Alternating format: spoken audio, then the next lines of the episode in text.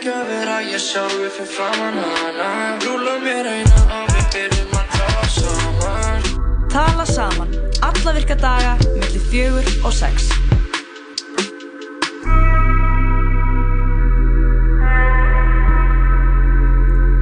Kæra lusendur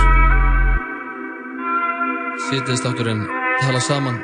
Hefur gungu sína hér með Klukkan er fjögur, við verðum með ykkur til hlan 6 í dag. Jóhann Kristoffer og uh, Lóa Björk Björnstóttir Gamla góða dúið, Gamla góða dúi alltaf svo gott Jojo vera- og Lolo. Já, nefnilega, sko. Alltaf svo gott að vera komin í útvarpið. Uh, Hef ég hann miðvíkudans þátt með þér? Já, heldur betur. Svo gaman. Svo gaman. Það er líka, já, hvað? við erum að góða þátt í dag. Já, ég Ég- er við segjum þetta alltaf. Já, ég veit að það var svo gott að við erum bara, herri, við erum með Við erum þátt í með dag ömurlegan þátt í Þannig dag. að Ástór Magnússon, hann kemur og hann flytur rýmur Já, ég fái Jó hann ætlar að borða lasagna í beinni. Og síðan ætlar hann, hann að fyrstur í kvals að koma og berja Lóu Já, berja mig og ég ætla svona að veina Já, gera kvala hljóð Þetta er slæmur þáttur. Við getum, við getum ekkert um að prófa kannski svona á hlaup þegar hlaupastagur eða eitthvað. Þá tökum við- bara umulegast að tala saman sem til er. Fyrstu dag 13. næstu að það er. Já, nokkulega Það er fyrstu dag 13. eftir Eða bara hvað, ammálstegi Hitler eða eitthvað, ég veit ekki hvað Það er 420 sko. Það er líka uh, alþjóðli kannabisdagur Ég segi, gerum þetta þá. Já, veistu, ég er algjörlega til í það En ok, við erum að náttúrulega byrja á virkilega góðum gesti Grafískur, hannur og, og listamæður Og ljósmyndari. Ljósmyndari, hvað er hann líka bara felli? Já, bara góði fæli Kjartnar Hreinsson ætlar að koma hann til okkur eftir örskamastund og Mhm. segja okkur frá uh, sinni fyrstu enga ljósmyndasýningu sem hann heldur núna á menninganótt Heyrðu, það er stórt. Það er risa stórt Mhm. Margir, hann er alltaf á sér alveg frekar stóran aðdónda hóp Já. Það byrjaði svona með mannst eftir, þú veist, ólýstæminu mm Svona margir sem að fenga eitthvað svona áhuga ólýs Já. út af ljósmyndum kertans Já, hann er áhrifavaldur í, hvað var, var það fagufræði? Já, hann er nákvæmlega. áhrifavaldur Já, nákvæmlega Mér finnst hann bara að segja eitt svo ótrúlega fyndið á Twitter um daginn þegar hann sagði eitthvað svona Ég elska þegar fólk sendir mig myndir af ykkur um rusla bing og segir þetta myndi mig á því uh, Kerstan er alltaf frábær listamæður og við hlökkum til að spjalla við hann Já. uh, Eftir það fáum við til okkar söngkonuna Bríði Já, hún að koma í gær, það var eitthvað smá miskilningur í skipulagi Það Já. er ekki tala saman nema að sé smá misklingur Já, sko. það verður að vera smá, smá svona ekki búið að tala nú vel saman til þess að, að þátturinn geti staðið undir nafni. Hann, við, við lifum í þessu svona organíska flæði sko. Já, það alltaf- þurfa að vera undirtekningar sem sanna regluna.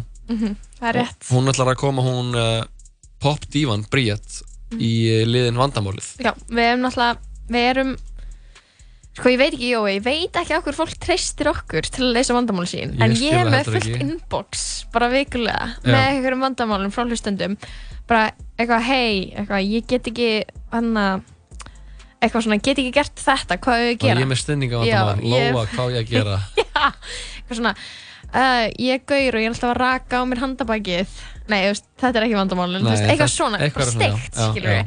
og ég, við fáum þessi vandamál og vegna er Bríett sko frá að koma og hún kemur sem svona auka ráðgjafi Já, eiginlega, hún er svona, hún er mikilvæg ráðgjafi. Ok, Ég held svona að að- hennar ráð svona- séu alveg, við erum meina henni til. Er já, hún ekki? kemur allavega, þið veitir hvernig þetta er Já. uh, þetta verður eitthvað skemmtilegt Mm Og síðan ætlum við að fá uh, þau uh, Pálma og Vigdísi úr Impro Ísland af því að núna er að skella í menninganótt það er Mhm. núna lögadaginn eftir uh, Já. Og, uh, nei þrjá daga já, um Rétt- helgina á rétt vera lögadaginn rétt, já. þurfum ekki að tellja hvað sem, það er bara lögadaginn Já, á lögadaginn og uh, Impro Ísland hefur haldið spunamarathon alltaf á menninganótt þú hefur tekið þátt í, Ég ég hef líka tekið þátt í Já. einu sinni. alveg, þetta er hvað, fjóruða, fymta árið fymta árið ábyggulega Já, hlýtur að vera. Þetta er ótrúlega skemmtilegt. Já, þau eru sem basically bara að spinna allan daginn Já, og þú veist, það eru ykkur nokkur hópar sem svona rótirast og það er bara hægt að fara, það er alltaf svona löng röð sem næri einhvern veginn næstu niður alla hverjuskutuna og það eru fólk að býða eftir að komast inn, það er ógifis inn mm, ógifisinn að býða eftir að komast inn og, og sjá góðan spuna í spuna marathoni. Já, Þetta er eitthvað svona, þetta er eitthvað umblásið af ykkur erlendu dæmi, er það Mhm. ekki? Uh, jú, þetta er Svona ma marathon spunni. Jú, jú, jú, þetta á sér fyrirmynd einhvers staðar Mhm. Erlendis, New York myndi ég halda Já. og ábyggulega fleiri Gaman að þetta sé hérna í þjóðluguskjallaranum, sko. Já, það er gott að hafa gott dæmi í gangi í þjóðleikuskjallarinn Já. hann er mikilvægur kjallarinn á þjóðleikusinu þar sem uh, uh, að því að, veistu hvað, þetta er svona smá symbolíst Já, menningarlega mjög Menning- mikilvæg já, já, ég er ég, að skil hvað ég er að þú ég, sk- Ok, ég skil hvað ég ætti að vera að tala um? Ég veit það ekki. Ég er að tala um að á stóra fyrir, sviðinu fyrir bygginguna. Já, á, stór, á stóra sviðinu þar er í gangi verið að setja á, á svið íslenska, íslenska leikrit íslensk nýleikrit uh, klassík alþjóða klassík Mhm. og uh, bara leik, þessi, þessi stóru leikrit Já, að vera að frum sína uh, Shakespeare in Love núna bræðum þar og svo Íslands, nei, Atomstöðuna mhm, í leikstjórn Unni Þorlsdóttir já. Í leikjarð Halldórs Halldórssonar Við erum bara að fara yfir leikárið. Við erum að fara í leikárið. Og þá er mikilvægt að sé hægt að fá smá finna smá svona mun á því sem gerist á stórasögunu og því sem gerist í kjallaran Já, þegar það er er svona hann er neðar það er eh, minna pláss, meiri jaðar. og það er Klárlega. pláss fyrir jaðar og, og spunni er jaðarsport. Klálega, algjörst jaðarsport. Um, ég, ég er allavega spennt að heyra hvað hva þau ætla að segja ykkur um þetta spunnumarþón hvort það veri eins eða öðruvísi Já. það gengur fyrir sig og Ég svona vona að þau geti grínast eitthvað aðeins með okkur Ég vona það líka. Þannig að hann er alltaf ógeðslega skemmtileg helgi en alltaf dyrka menningarnótt. Já, Það er risa ógeðslega mikið að gerast. Við eh, 101 er með. Jú, jú, Við erum uh, að taka þátt í tónleikum á lofthostel. Uh, nei er það ekki? Er Jú, loftslag. Er þeir ekki, ég held að þeir voru ofan á er, er þeir á loft, ég held að þeir voru ofan á bílastæðusinu Ok, þeir eru á bílastæðahúsinu, sorry. Ég ég er að rauglast. Já, En þannig að, já, þa þar verður eitthvað svona, uh, eitthvað til þess að veika aðtegli á, á loftslagsvonni. mhm. Skemmtilegi tónleikar alls þar. já, alls konar tónleikar út um allan bæ, það er hip-hop hátíðin verður á Hafnabakkanum og síðan alltaf er klassísku tónleikarnir á Arnarhóli. Já, og uh, síðan er bara viðbrot um allan bæ. Já, ætti allir að geta fundið eitthvað svona við sitt hæfi, sko. já, og talandi um það, þá eigum við vona honum kjartanir hinsinni, ljósmyndara og, og hönniði, Mhm. hingað inn í hljóðverið eftir örskamastund við ætlum að hlusta á eitt gott lag áður við fáum kjartan til okkar. Þetta lag finnst mér að uh, eigi skilið einhver verðlun fyrir Texas, Texasmiði þetta er uh, engin annar en Freyrik Tór lagið Maður Ársins. Það er, ég var að hlusta á þetta og ég var bara þetta lag, it gets me. Eða já, það, þú ert alveg þar. suma daga er ég maður ársins. Er þetta að komast eitthvað herra komast eitthvað herra en a- aðra daga er allt þetta allir einskis. Já, ok. erfitt að komast eitthvað læra komast eitthvað læra. Þetta er bara hinn mannlega tilvist. Þetta er hinn mannlega tilvist. af Frikka Dór. já, sekkum á þessu Suma dag er eins og allt sé að. Ég vil bara komast burtu frá þess öllu saman strax fyrir allt Tækifæri til að fá að upplifa svo margt. Suma daga er ég maður ásins Erfitt að komast eitthvað hærra Að komast eitthvað hærra. Aðra dag er allt saman til einskis. Erfitt að komast eitthvað lægra Að komast eitthvað lægra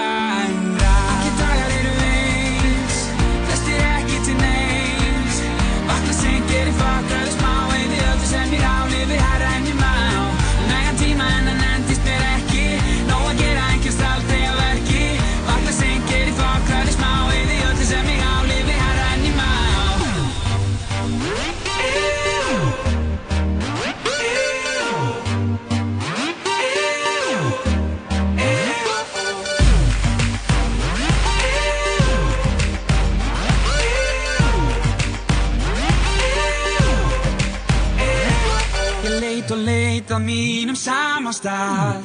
En ég virðist alltaf enda aftur hér á sama stað.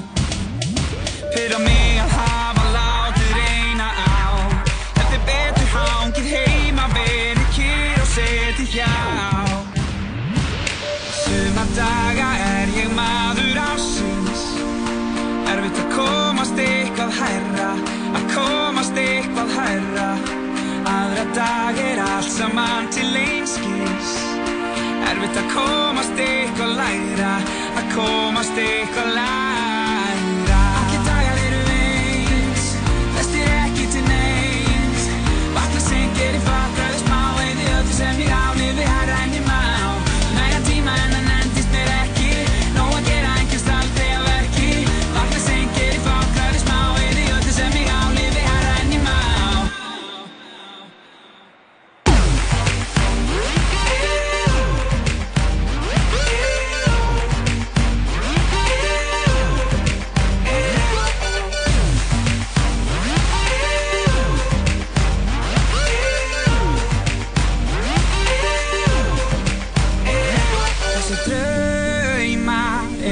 draumar Því ég veit þeir ætast ekki Ég veit þeir ætast ekki.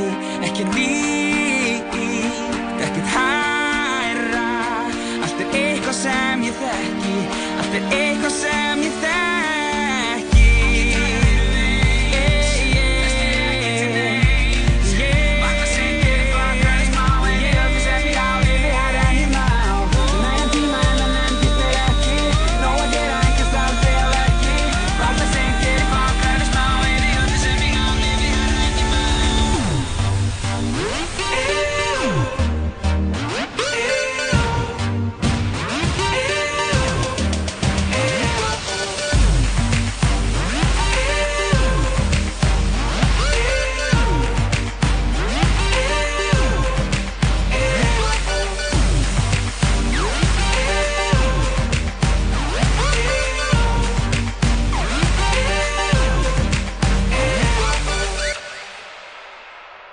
Freki Dór, lægið Maður Ársins Lóa, erstu fylgd að laga það? Mér finnst það bara geggjulega, þetta, er- þetta er alveg þitt mút sko Ég hef nægan tíma, maður endist, endist mér ekki Nóg að gera, ég kemst aldrei að verki Þetta er mikið þetta er nýtt tattoo. Þetta er nýtt tattoo En nóg um það, við erum komið með annan mann Hann er vissulega Maður Ársins þetta líka Hjartar Já. Hrinsson, uh, ljósmyndari og hannur Vertu hjartanlega velkomin Takk það fyrir. Hvernig hefur þetta dag? Ég hef það ágætt í dag. Já Ertu peppaður fyrir uh, menninganótt sem er að koma? Já, ég er mjög peppaður fyrir menninganótt. Þú ert að halda þína fyrstu enga ljósmyndasýningu, ekki satt? Jú. Um helgina. Jú. Getur þú sagt okkur aðeins frá henni, svona tilhörðamennar og... Já, það sem að uh, vill stundum gerast er að fólk hefur samband við mig og vill nálgast mynd eftir mig Mhm.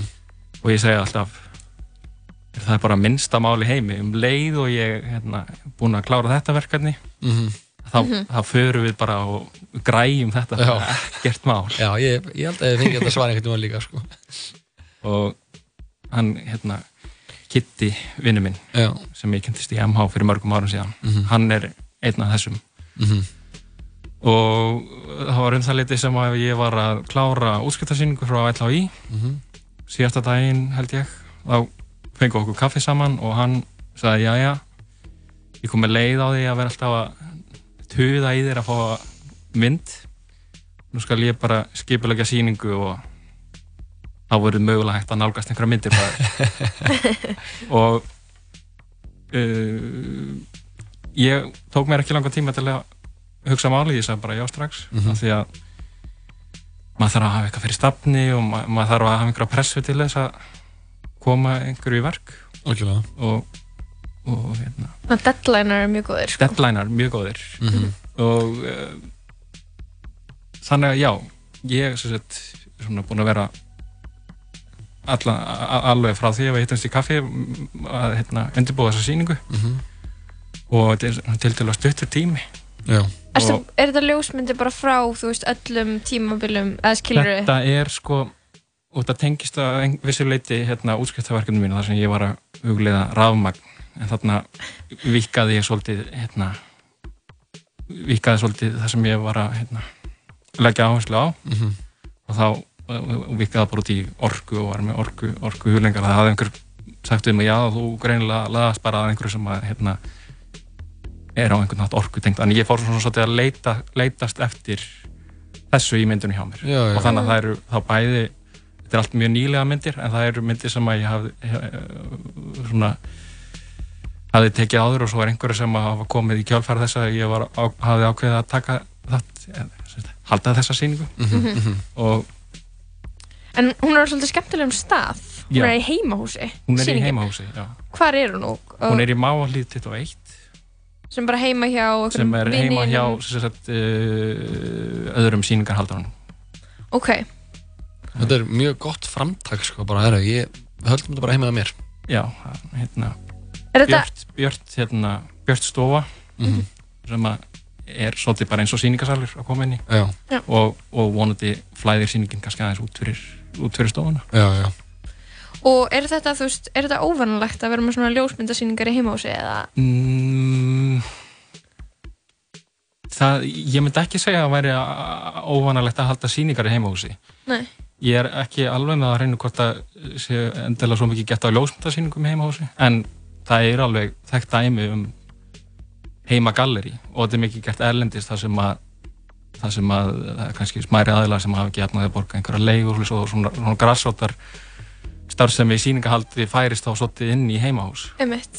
Mhm. og það getur haft marga kosti náttúrulega huggulegt að koma eða þú veist, ef maður þorir inn, skilur maður þarf, lang, að, þú veist, maður þarf líka líða eins og bara "Ah, ég má koma inn í þetta heimahús Já. og, veist, og maður passa sig að vera ekki feiminn og svo maður bara heima hjá okkur og það er ógslag gaman. Það er, getur verið mjög huggulegt og skapa góða stemmingu sem er stundu vantar í svona galleri þar sem þú, það er ekki neitt nema listin, skilur Mhm, mhm. engin staði til að sittast niður á eitthvað, skilur þetta á að vera svolítið heimilislega stemming kannski ekki, ekki svona svakalega þvingu eins og hún er oft í þá bæði fyrir gesti og fyrir listamannin maður er ekki endilega svo ótrúlega stressaður að vera að fara inn í eitthvað Já, einmitt. Þú fyrir að standa bara á sinninga Já. til aðmingju, hvað, getur þú saman þessu? Og maður er bara Já, er það svolítið þannig þegar maður, út í, ég var náttúrulega aldrei sett upp myndlistsýningu, það er svo gott að vera uh, sviðslistamæður og þú bara sýnir og svo bara lappar út á sviðinu og svo ferður bara út bakdara megin og bara hleypir í burtu, skilur en þú veist með myndlistasýningu eða eitthvað, þú veist, þá stendur bara við hliðin á verkunum og þarfst eitthvað Jú, en eins og ég segi það var þetta fyrsta ljósmyndasýningin mín. Ok. Hefur kannski verið þá svona smá að forðast þetta að þurfa að mm, ekki beint. Ég, ég hugsa svona kannski svona það er líka rosalega stór prósess í þessu er að setja í prent og, og, og okkur svoleiðis. Og, og, náttúrulega maður er svo áður hérna, Instagram og þú veist maður getur sett myndina sína út mjög við það Mhm. en það sem að svona vakti fyrir mér var að þá, þá reynslu í því að koma einhver innrömmun, velja ramma og, Mhm. og svona Já, já, einmitt og það er svona það er heilmikil áskorun Já, bara ferlið einhvern veginn að koma bara Já. frá frá flassi yfir í bara upp á vegg Já. Já.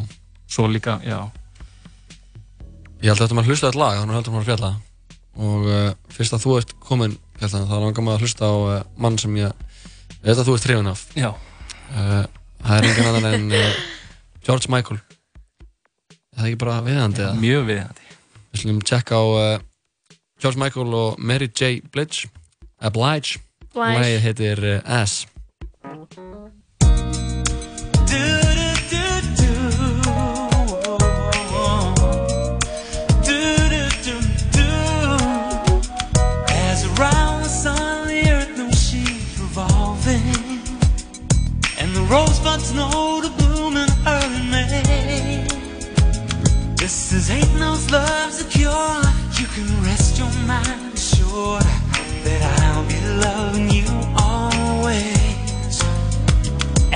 can't reveal the mystery of tomorrow. But in passing, we'll grow older every day. Just as honest born is new, you know what I say is true. That I'll be loving you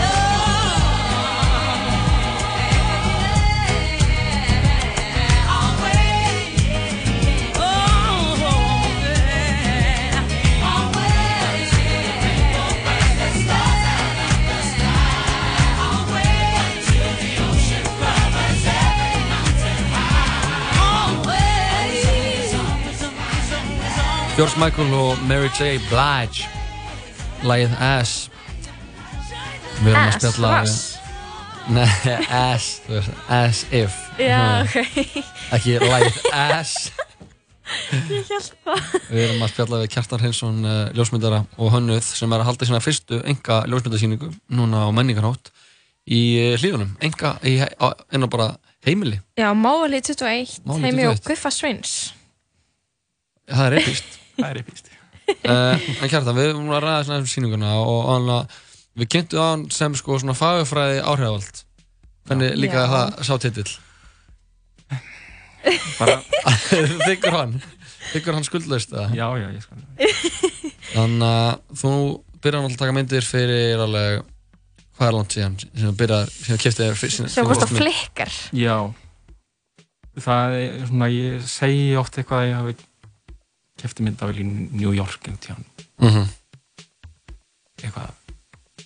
Um það leiti sem ég, já, 2000 og eitthvað Já, já, en ég, svo man ég alltaf að, að svona, þannig segir þetta búið að vera í rauninni kannski lengur sko. mm svona, ég mynda samfleitt frá því einhvern tíðan um það leiti sem að var óskast úr framhaldsskóla, Já, ég held það.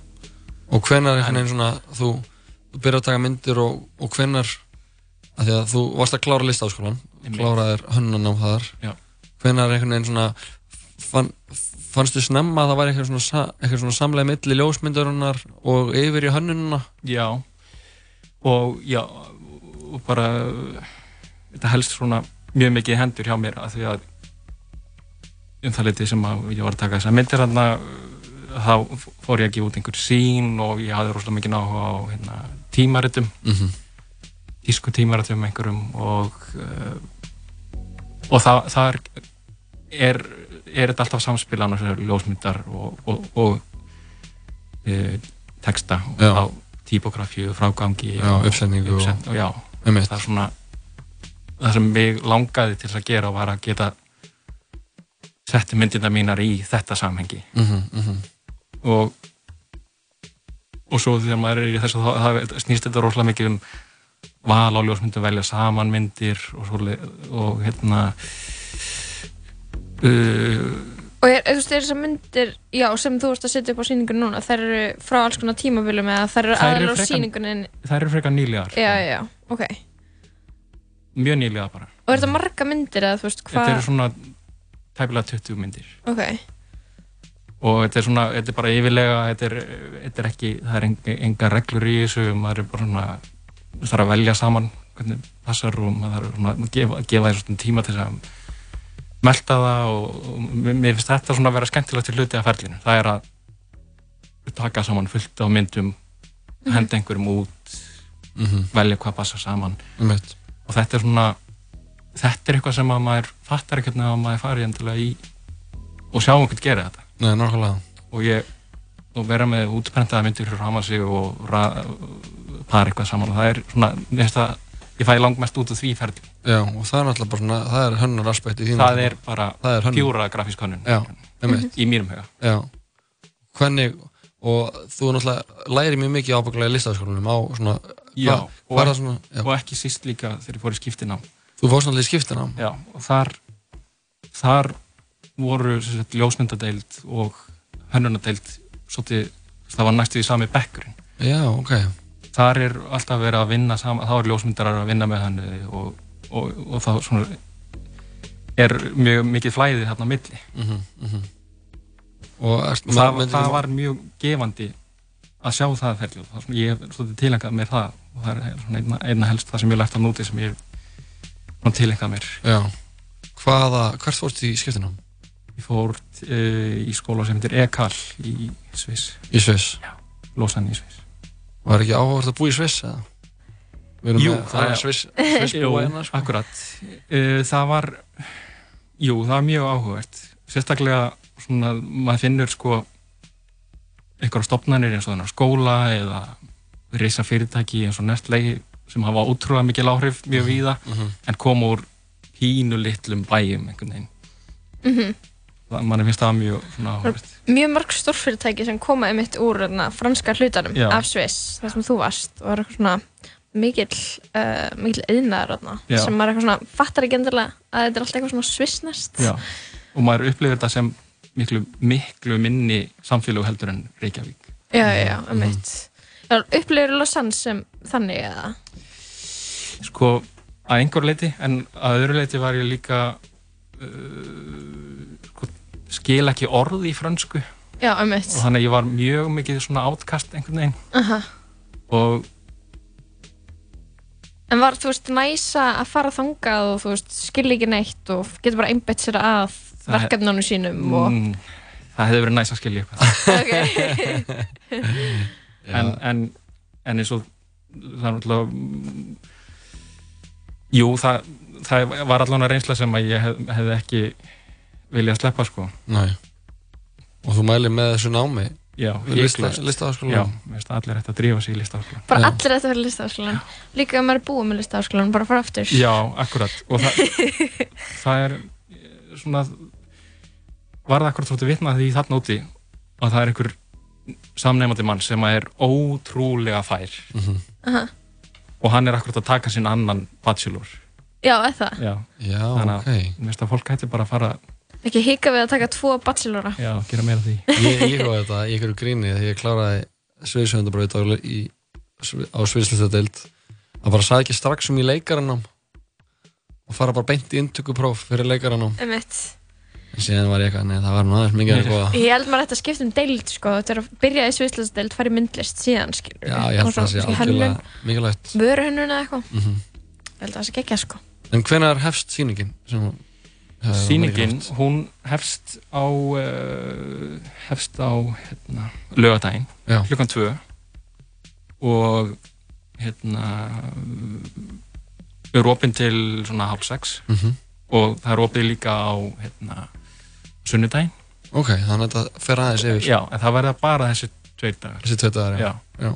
og nú hefst hérna svona hluti gerast aldrei þegar maður er maður getur ekki gert neitt einn. Nei. þannig að það vera mjög hjálpsamlegt að hérna, vera með Kitta og Guðfinni og svo er Veigar Öllnir hann er að hjálpa mér í uppsetningu Mhm. svo vorum við samstarfsaðilar hindi Veitur Já, sjáðu þetta veitur Sjáðu þetta veitur og svo já Já. gott að hérna, kasta boltan á milli þegar maður er í uppsetningu Já, ég trúi því Nákvæmlega. þá er Ólaf sjaldan langt undan. Já, Óluf Kærastinn. Já, kærastinn. Eiginkona. Já, maður, ein- einhvern tímpúti maður getur alltaf að fara að giftast til að vera eignast eiginmann eiginkonu. Nei, einmitt. Við höfum kannski bara hætt að pæli því. Við þurfum að hætta að pæla í því. Þú ert til dæmis eigin maður minn. Ég er, já, og því að þú ert Við erum eh, saman í útvarspinni Og þú ert dóttir mín. Já. Það er svona brenglaði samband okkar á milli. En kært það var aðeins alltaf að fá þig. Já, gaman að koma. Og- gaman að koma inn í þetta stúdíu og fá að tala í mækinn Já, og loksins færa að tala í mækin. Þú hefur gert flest annað en heldur en að tala í mækin sko. Þú hefur svona hoppað á mækin líka. Hefur gert það? Já, þetta er ekki hér það, Já, í, í Já, fyrsta- heyrðu, já, einmitt, já. Við erum að grafa það Við spilum það ekki núna það fer í útvarpið eitthvað svona after hours, eitthvað seint um miðanótt, þá spilum við session. með, með kjartan í hreinsinni. En við mælum með allir leggja leið sína í Mál 21 Já. Heim til Guffa. Heim til Guffa Sveins á ljósmyndasýninguna sem heitir, ber heitir Alltaf Getur þú sagt okkur kannski aðeins að hún heitir Alltaf? Það er annars vegar bara þetta stöðu að, aðgengi að orku sem að við viljum alltaf Mhm. hafa og ef, ef að það bregst að þá erum við svolítið svona fyrir alveg á taugum Já. Mhm. Og annars vegar bara að vera alltaf hérna einhvern veginn ég vera alltaf að Mhm. Ég held þetta fullkomur loka orð Já. Nú ekki Það er alltaf að. Að þeim Hreinsson þakka um kjærlega fyrir komuna Takk fyrir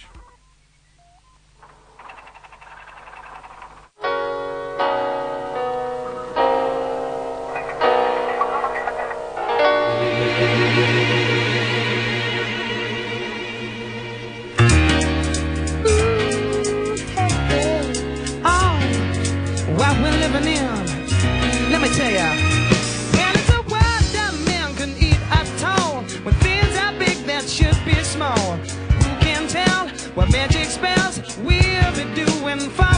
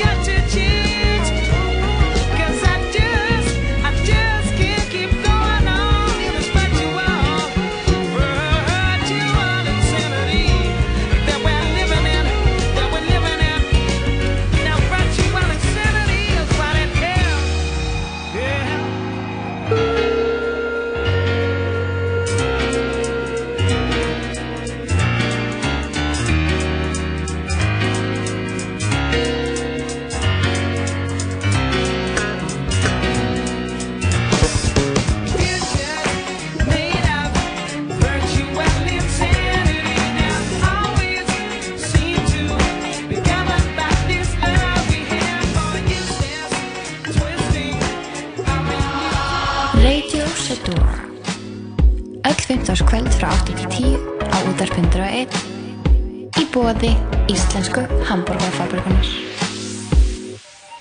Trúi mér, Ingvar E. Sigursson hefur aldrei verið betri í bíómynd. Viltu vera fallega sögu? Eða ljóta? Hvítur hvítur dagur kemur í bíó 7. september. Hamburgerabúla Tómasar. Nú verða stektir hambúrgarar. Hamburgerabúla Tómasar. Here I come. Anybody order fried sauerkraut? Níunda kvikmynd Quentin Tarantino Leonardo DiCaprio I'm Rick Dalton. Brad Pitt Here comes trouble. Charlie's gonna dig you. Once Upon a Time in Hollywood Komin í bíó Þú ert að hlusta á útvarp 101.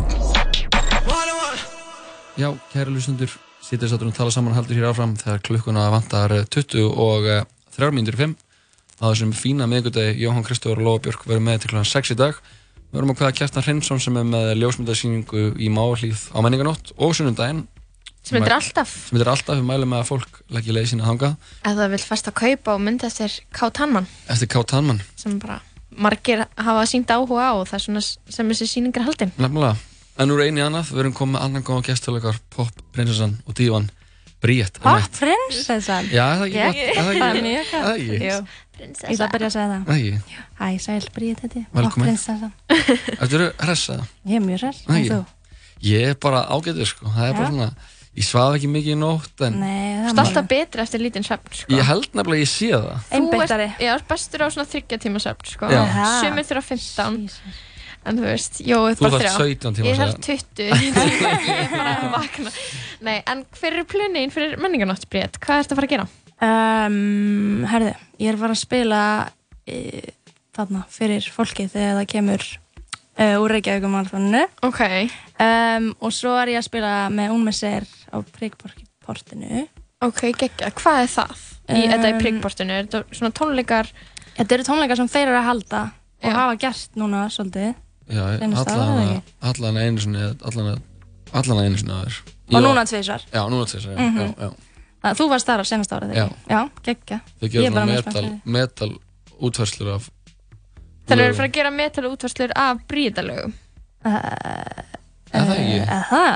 Ég þeir gerðu allan að Ég gerði það hjá þér. Nei, þe- það var, þeir gerðu allan að eina útverslu af lagi hjá mér í fyrra. Aha, Já, ó, kannski er þeir að fara að koma mér á óvart. Já, það var allan mjög gaman. Tóku Joey, það tóku Joey Cypher í þeirra útsetningu Ok.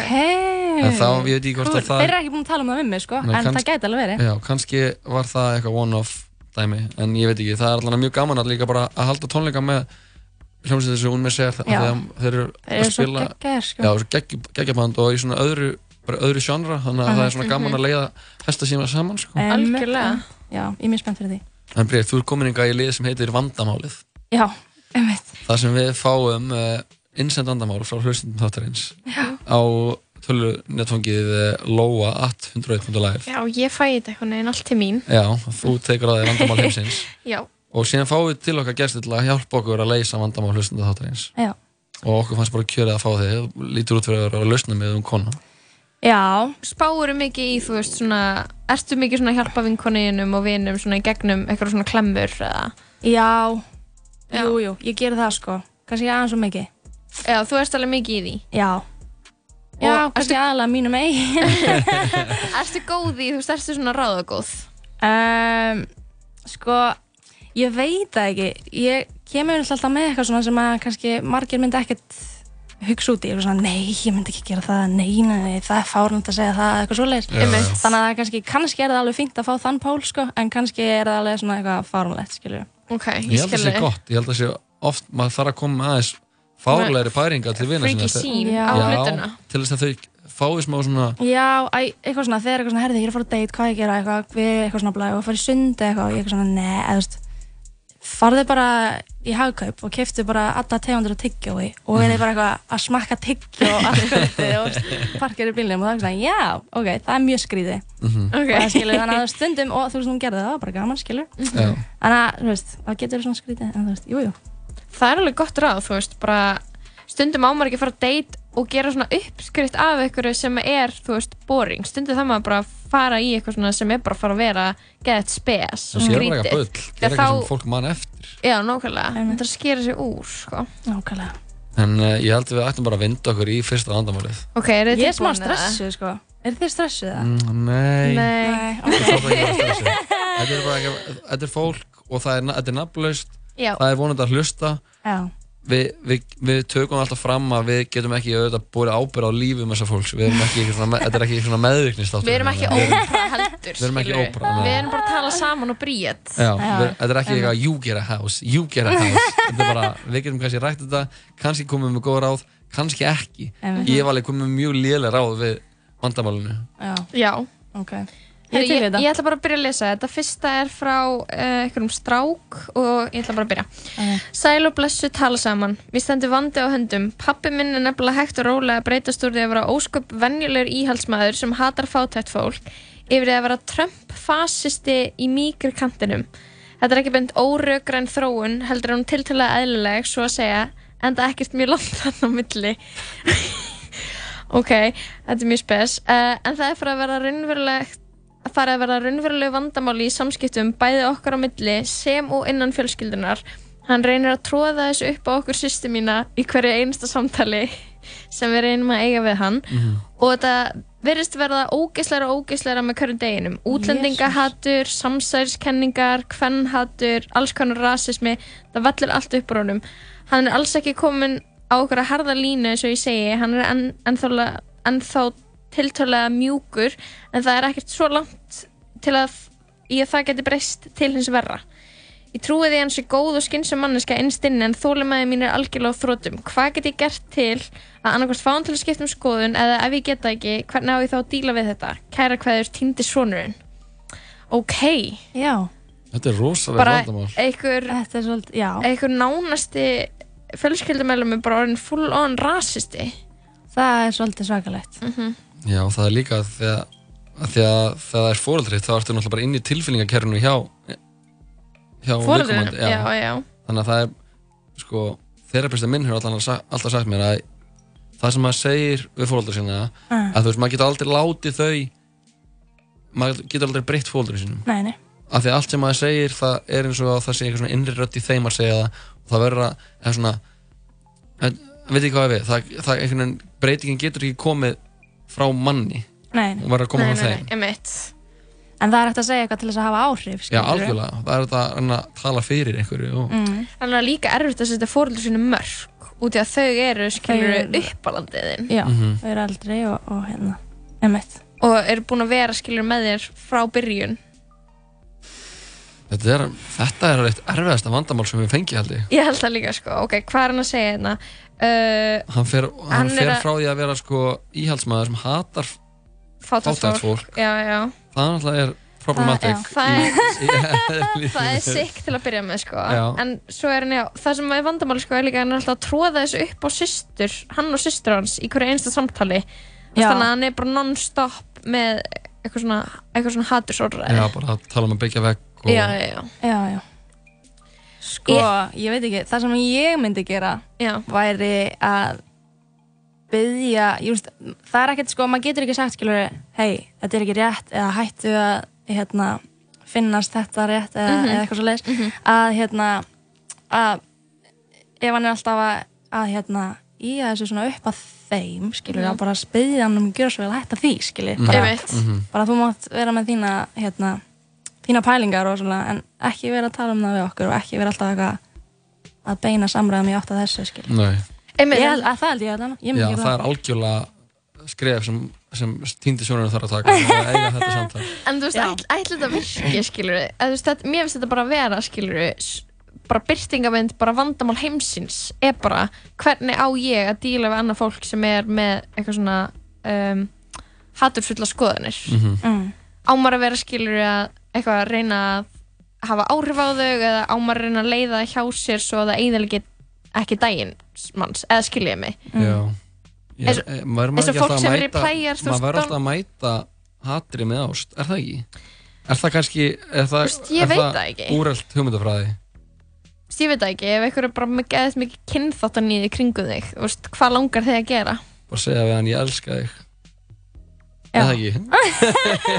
Já, ég elska ekki tala um þetta samt fyrir fram að mig af því að mig langar ekki að heyra þetta, skilur að því þú veist, ég veit ekki, hvað ætlar að fara að útskjara þú veist, endalust fyrir manneskunni hvað er rétt og þú veist, hvað er siðferðislega rétt, skilur Já, hann þú veist, það er ekkert að fara að breyta nema hún sé heima bara eitthvað, já, býtu, býtu ég er Mhm. ég ein að fatta það sjálf og þetta er kannski vittlust hjá mér.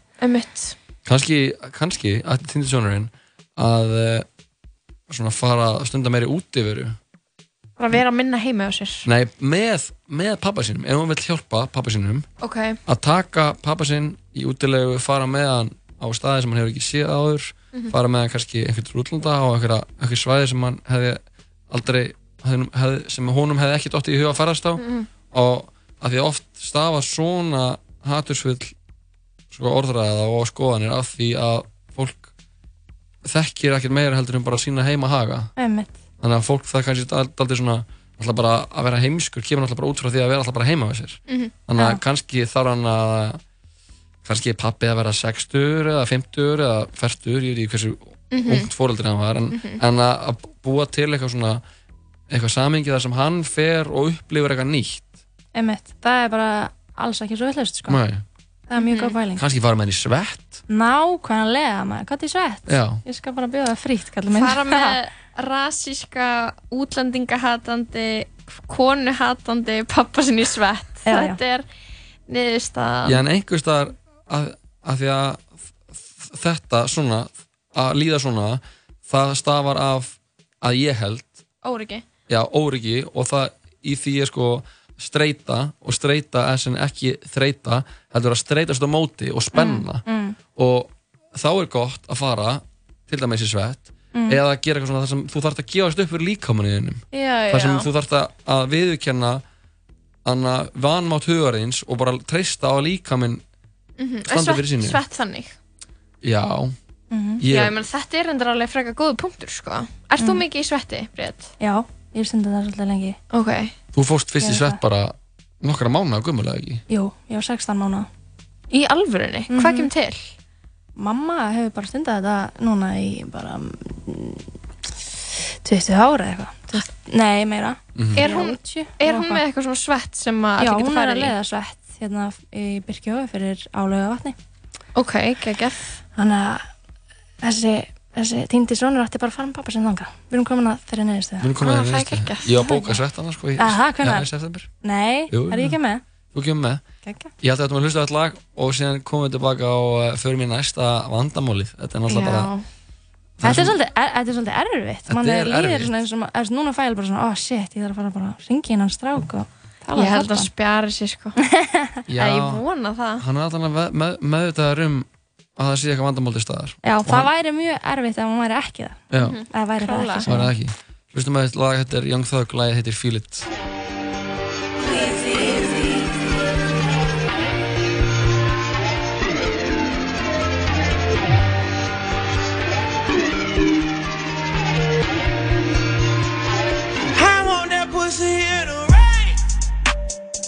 I'ma make sure lil' mama feel it. Every eyeball that look at me, she wanna kill it. We make love and it to heal it. I don't wanna buy your love, I wanna build it. Hit that bitch up from the ground, never want to that bitch down. Yeah, you know that this dick ain't no clown, you know that this make you make sounds. Yeah, I fuck that bitch good, I don't tease her. Nigga, that why she not leaving. And you know that I smoke on that kush, no Khalifa. And I do it for my people. Yeah,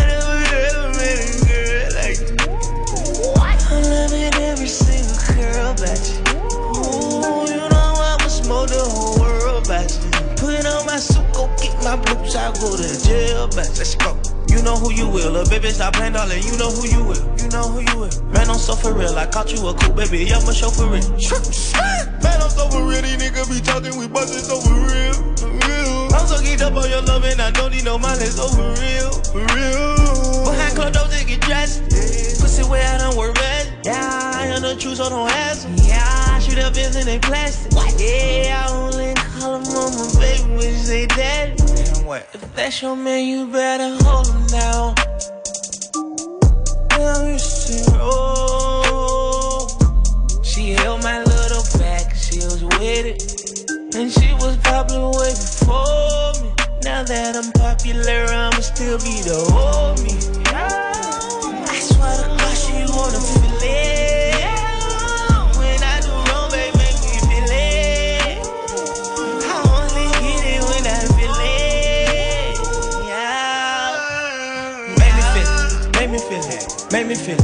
make me feel it. Oh, I want feel it, I want feel it, I want feel it, I want feel it. Baby, I'll get you hit. give me silence. Coming back, I'm a pillar. On lockdown, all milk, boy shoot, oh. truly. I'm dabbing, I'm dabbing, I hop in your car and I smash it, I smash it. I ain't gon' roll this, yeah, I'm Trinidad. They look like they don't wanna put, but they at. I'm pouring up purple, that purple, your hat. And I think I'm tough, you look tough, so let's clash. Let's clash. Hey, boy, ready, I'm going steady. I fuck with Keisha, not the one from Bali. I wanna fuck ain't no tough, and that's it. I want that cat like a leopard. Let's go to Germany, no shiver. She don't need no hand, I'm a helper. She bird keeper, so I kill her. Watch me tell her. That's your man, you better hold him down. Now it's zero. Oh, she held my little pack, she was with it. And she was popular way before. Now that I'm popular, I'ma still be the old me. I swear to God, she wanna feel it. When I do wrong, babe, make me feel it. I only get it when I feel it.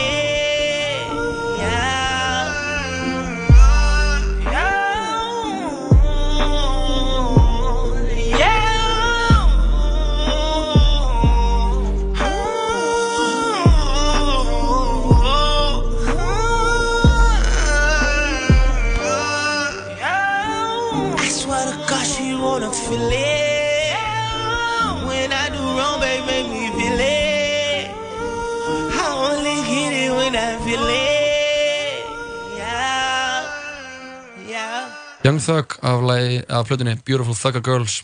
Lagið heiti Feel It. Við erum að spjalla við söngununa Bríett Hún er- Pop prinsessuna, Pop eins og sagði. prinsessuna fyrir ekki Pop prinsessuna og overdífuna Bríett hún er með okkur í liðnum vandamálið þar sem við, erum með vandamál hlustanda þáttarinn stala saman. Já. og við vorum að rétti þessu að- að leysa alltaf þessu svona snúið vandamál. Við vorum með svona samfélagslegt vandamál sem er svona kannski á, þetta var eitthvað svona strákur og hann átti pappa sem var farin að vera algjör rasisti og kvennhatri og við vorum svona velta fyrir okkur, þú veist, en alltaf fyrsta lagi var niðurstaðan eitthvað að hann ætti að vera í svett en svo vorum við líka smá á því að þú veist, þetta er bara svona samfélagslegt vandamál, bara hvernig er við almennt að díla við svona fólk. Já, vand, ég held að lausnin hafi ekki verið beint að hann ætti að vera svett heldur en hann ætti að líta sér nær Já, já. og hjálpa Ok. pappa sínum að líta sér nær En klárlega eitthvað svona, ok, það er alltaf eitthvað svona hægt að að adjusta hugafæri sitt en stundu það maður líka bara eitthvað svona praktískan hlut til að gera það Já. er alveg valid, skilur Já. ef mann liðir illa, þú veist, þá kannski eða þú veist, þunglindur, skilur, þá kannski jú, ættir að fara til sálfræðings og gera þetta en Mm. líka kannski bara að fara í göngutúr þú veist, Mm. það er alveg mikið partur af lausninni, eða þú veist, ég veit það ekki pæling, Algjörlega. en við erum komið að næsta vandamáli Já, og ég ætla að fá að lesa upp mitt fyrsta vandamáli Ég hef aldrei lesið vandamáli, þú er alltaf að lesa það? Jú, þú hefur vist gert það. Nei, jú, nei. Við ætlum ekki að fara að þræta um þetta meira. Hæ, elsku tala saman. Ég er svo þakklátt fyrir hennar lið hjá ykkur Því ég geti aldrei látið sjá mig hjá einhverjum sálfræðingi eða þerapista Þetta er nú Þetta er eitt vandamál, Þetta er bara eitt sér. já. En allavega Ég er í smá klemmu. Ég er búin að vera skotin í strák mjög lengi En hann hefur engan áhuga á mér. Mér Æi. leiðir eins og hann taki einu sinni ekki eftir mér.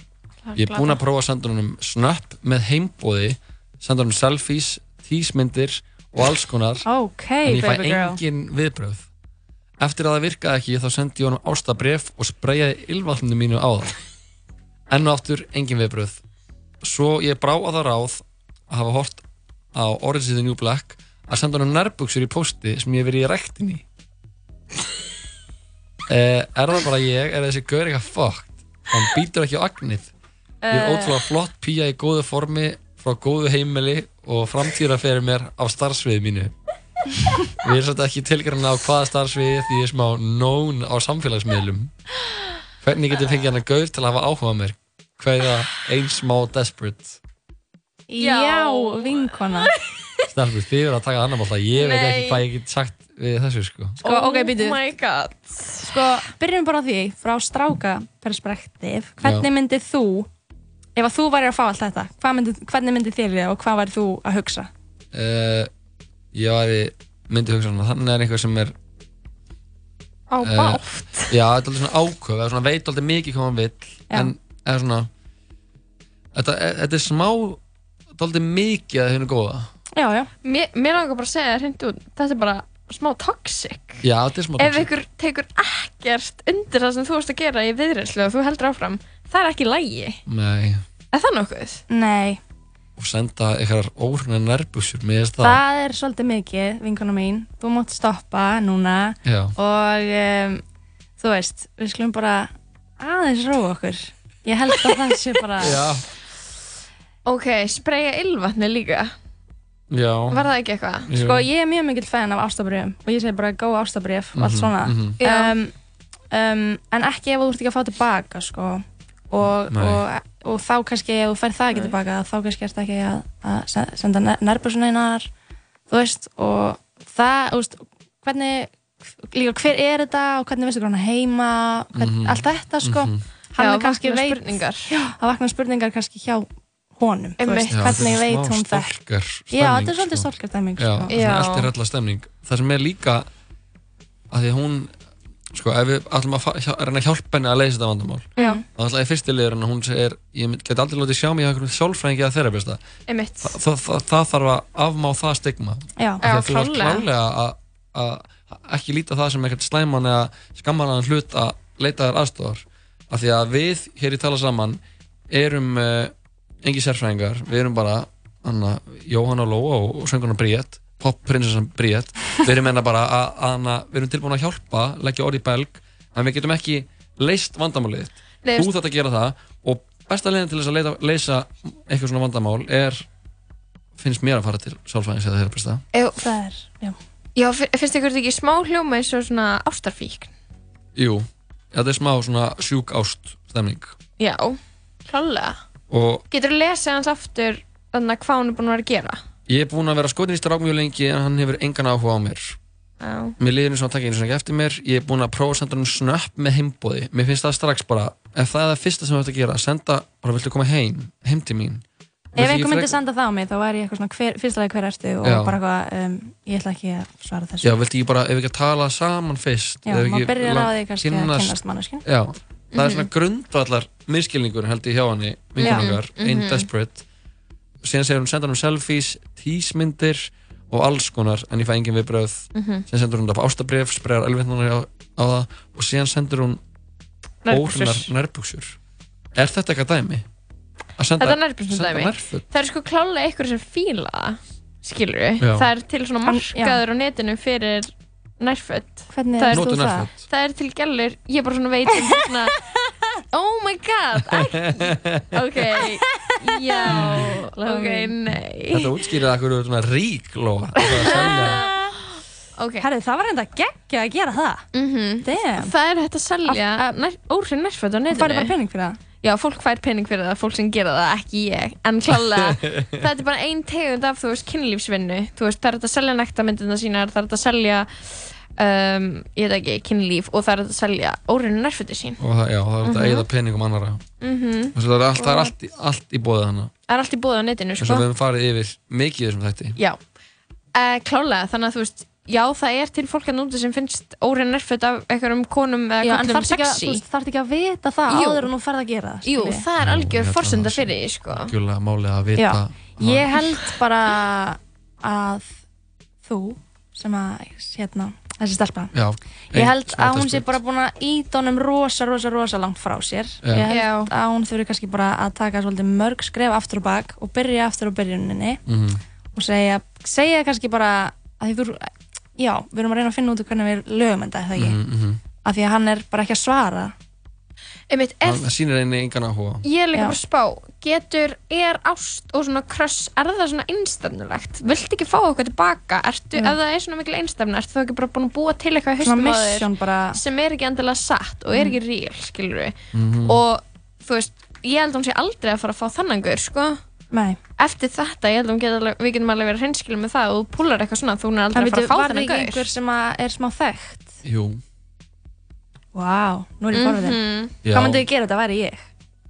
þá Ég myndi segja að vera ógeðslega góð leikona að geta setið hérna og vera eitthvað herði vinkona.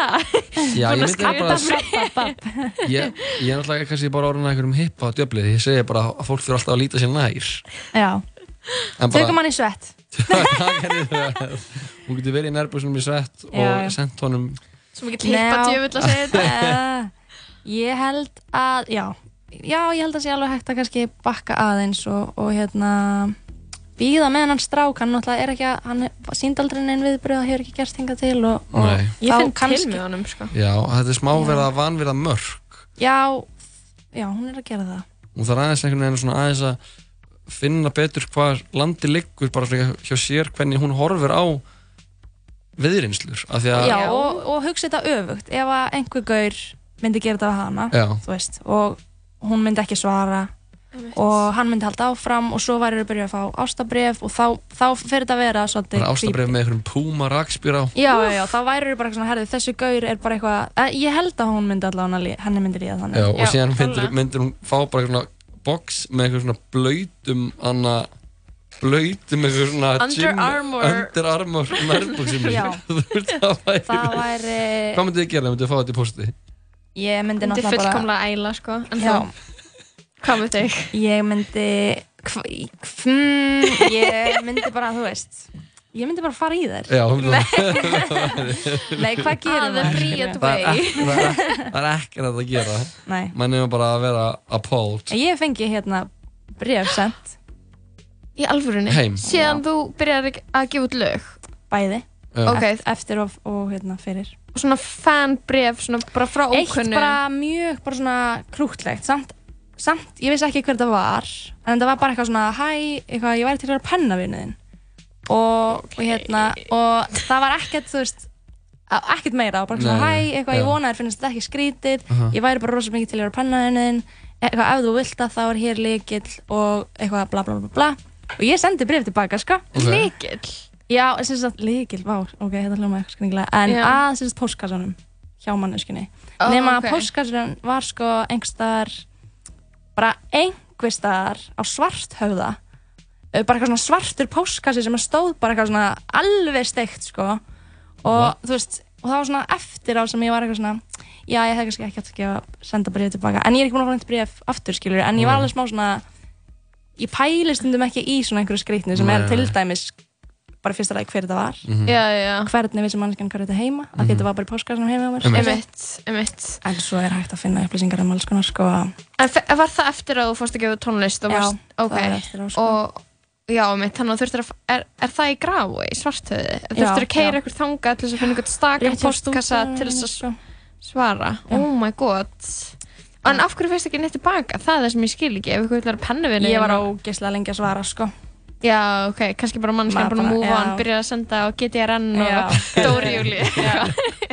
en ég svaraði samt. Mér varst dónalegt að svara ekki Ég sko. kallaði góð að gera það, mér finnst það bara fallega En þú Já, það ekki bara? Já, Um að hvað- senda bref, það, það er alltaf svona smá gesture í það sýnir það að fólk sé tilbúið að Mér finnst það krúttlegt, Já, sko. mér finnst það líka, sko. Og mér varst ekkert, það var ekkert í þessu sem var eitthvað svona, ú, þetta er grífi, skilji. Ok, það er var bara gott. finnst ekki Lausnin við þessu vandamáli hjá, þessu stelpu er bara aðeins að slaka á. Já, herðu, við erum, já slaka Nákvæmlega. vel á, Slaka sko. vel já, á. Takk til nokkur skrif tilbaka. Já, þannig að og kannski bara, þú veist, fara að einbytta þér að kannski einhverjum öðrum gaur. Já, og kannski bara Ég held að hún ætti bara að einbæta sér að sjálfur sér, sko. Frekar, Já, já, nákvæmlega. Já, frekar byrja á því og síðan Líta kemur, inn á við. síðan kemur þetta allt. Maður getur ekki rössjað Nei, Maður getur ekki rössað svona dót. Það gerist bara það gerist. Og ef maður ætlar að fara eitthvað að flýta í þá, þá fara mistökun að gerast, held ég já, einmitt þá svona, æ, hann, hann fílar ekki þetta nei, ég ger bara þetta Já, ég sendur æ, henni bara, sendur hann bara þetta nærbúsur, ég sendur henni bara hana buksur, ég sendur henni bara Fair. vettlinga og, og, og húfu og hanska og fara bara senda henni bara, bara hálfan fattaskapin sem og já, Það var alltaf ekki lægi, sko. ekki í lagi. En Bríða, það var aðeins að fá þig í lið. Já, Takk kærlega fyrir að koma og hjálpa okkur. takk fyrir Geggjað mig. að fá þig. Að hjálpa okkur, að hjálpa ykkur. Algjörlega, og góða skemmtun um, á menninganótt með þér. já, takk sem leiðis dagur. takk sem leiðis Rosalega dagur. Mér Mhm. langar að enda þetta á, á uppáhaldslæginu mínu með þér. Íhá. Þetta er Ghost. Takk fyrir okkur. Ok, takk, bye.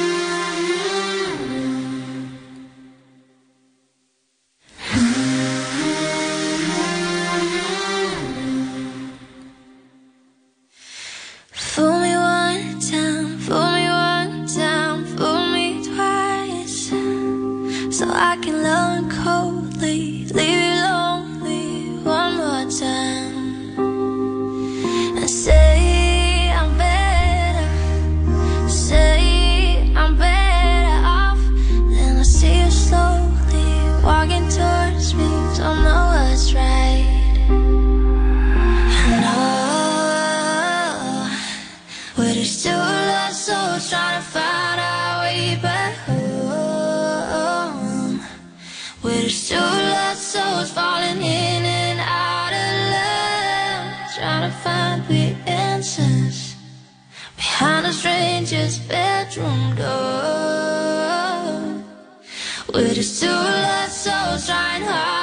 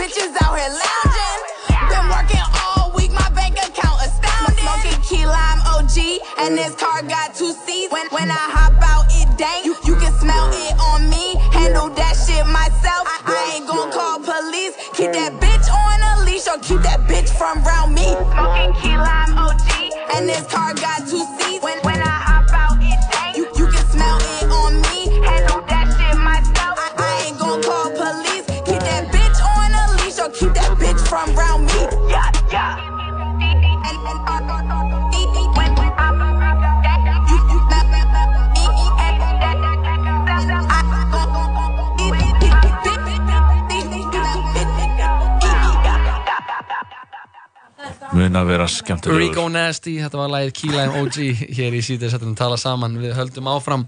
Fá til okkar góða gesti, við vorum að kveðja uh, söngkonuna Bríeti, hún var hjá okkur í vandamálinu sem við leysum vandamál hlustanda þáttarins.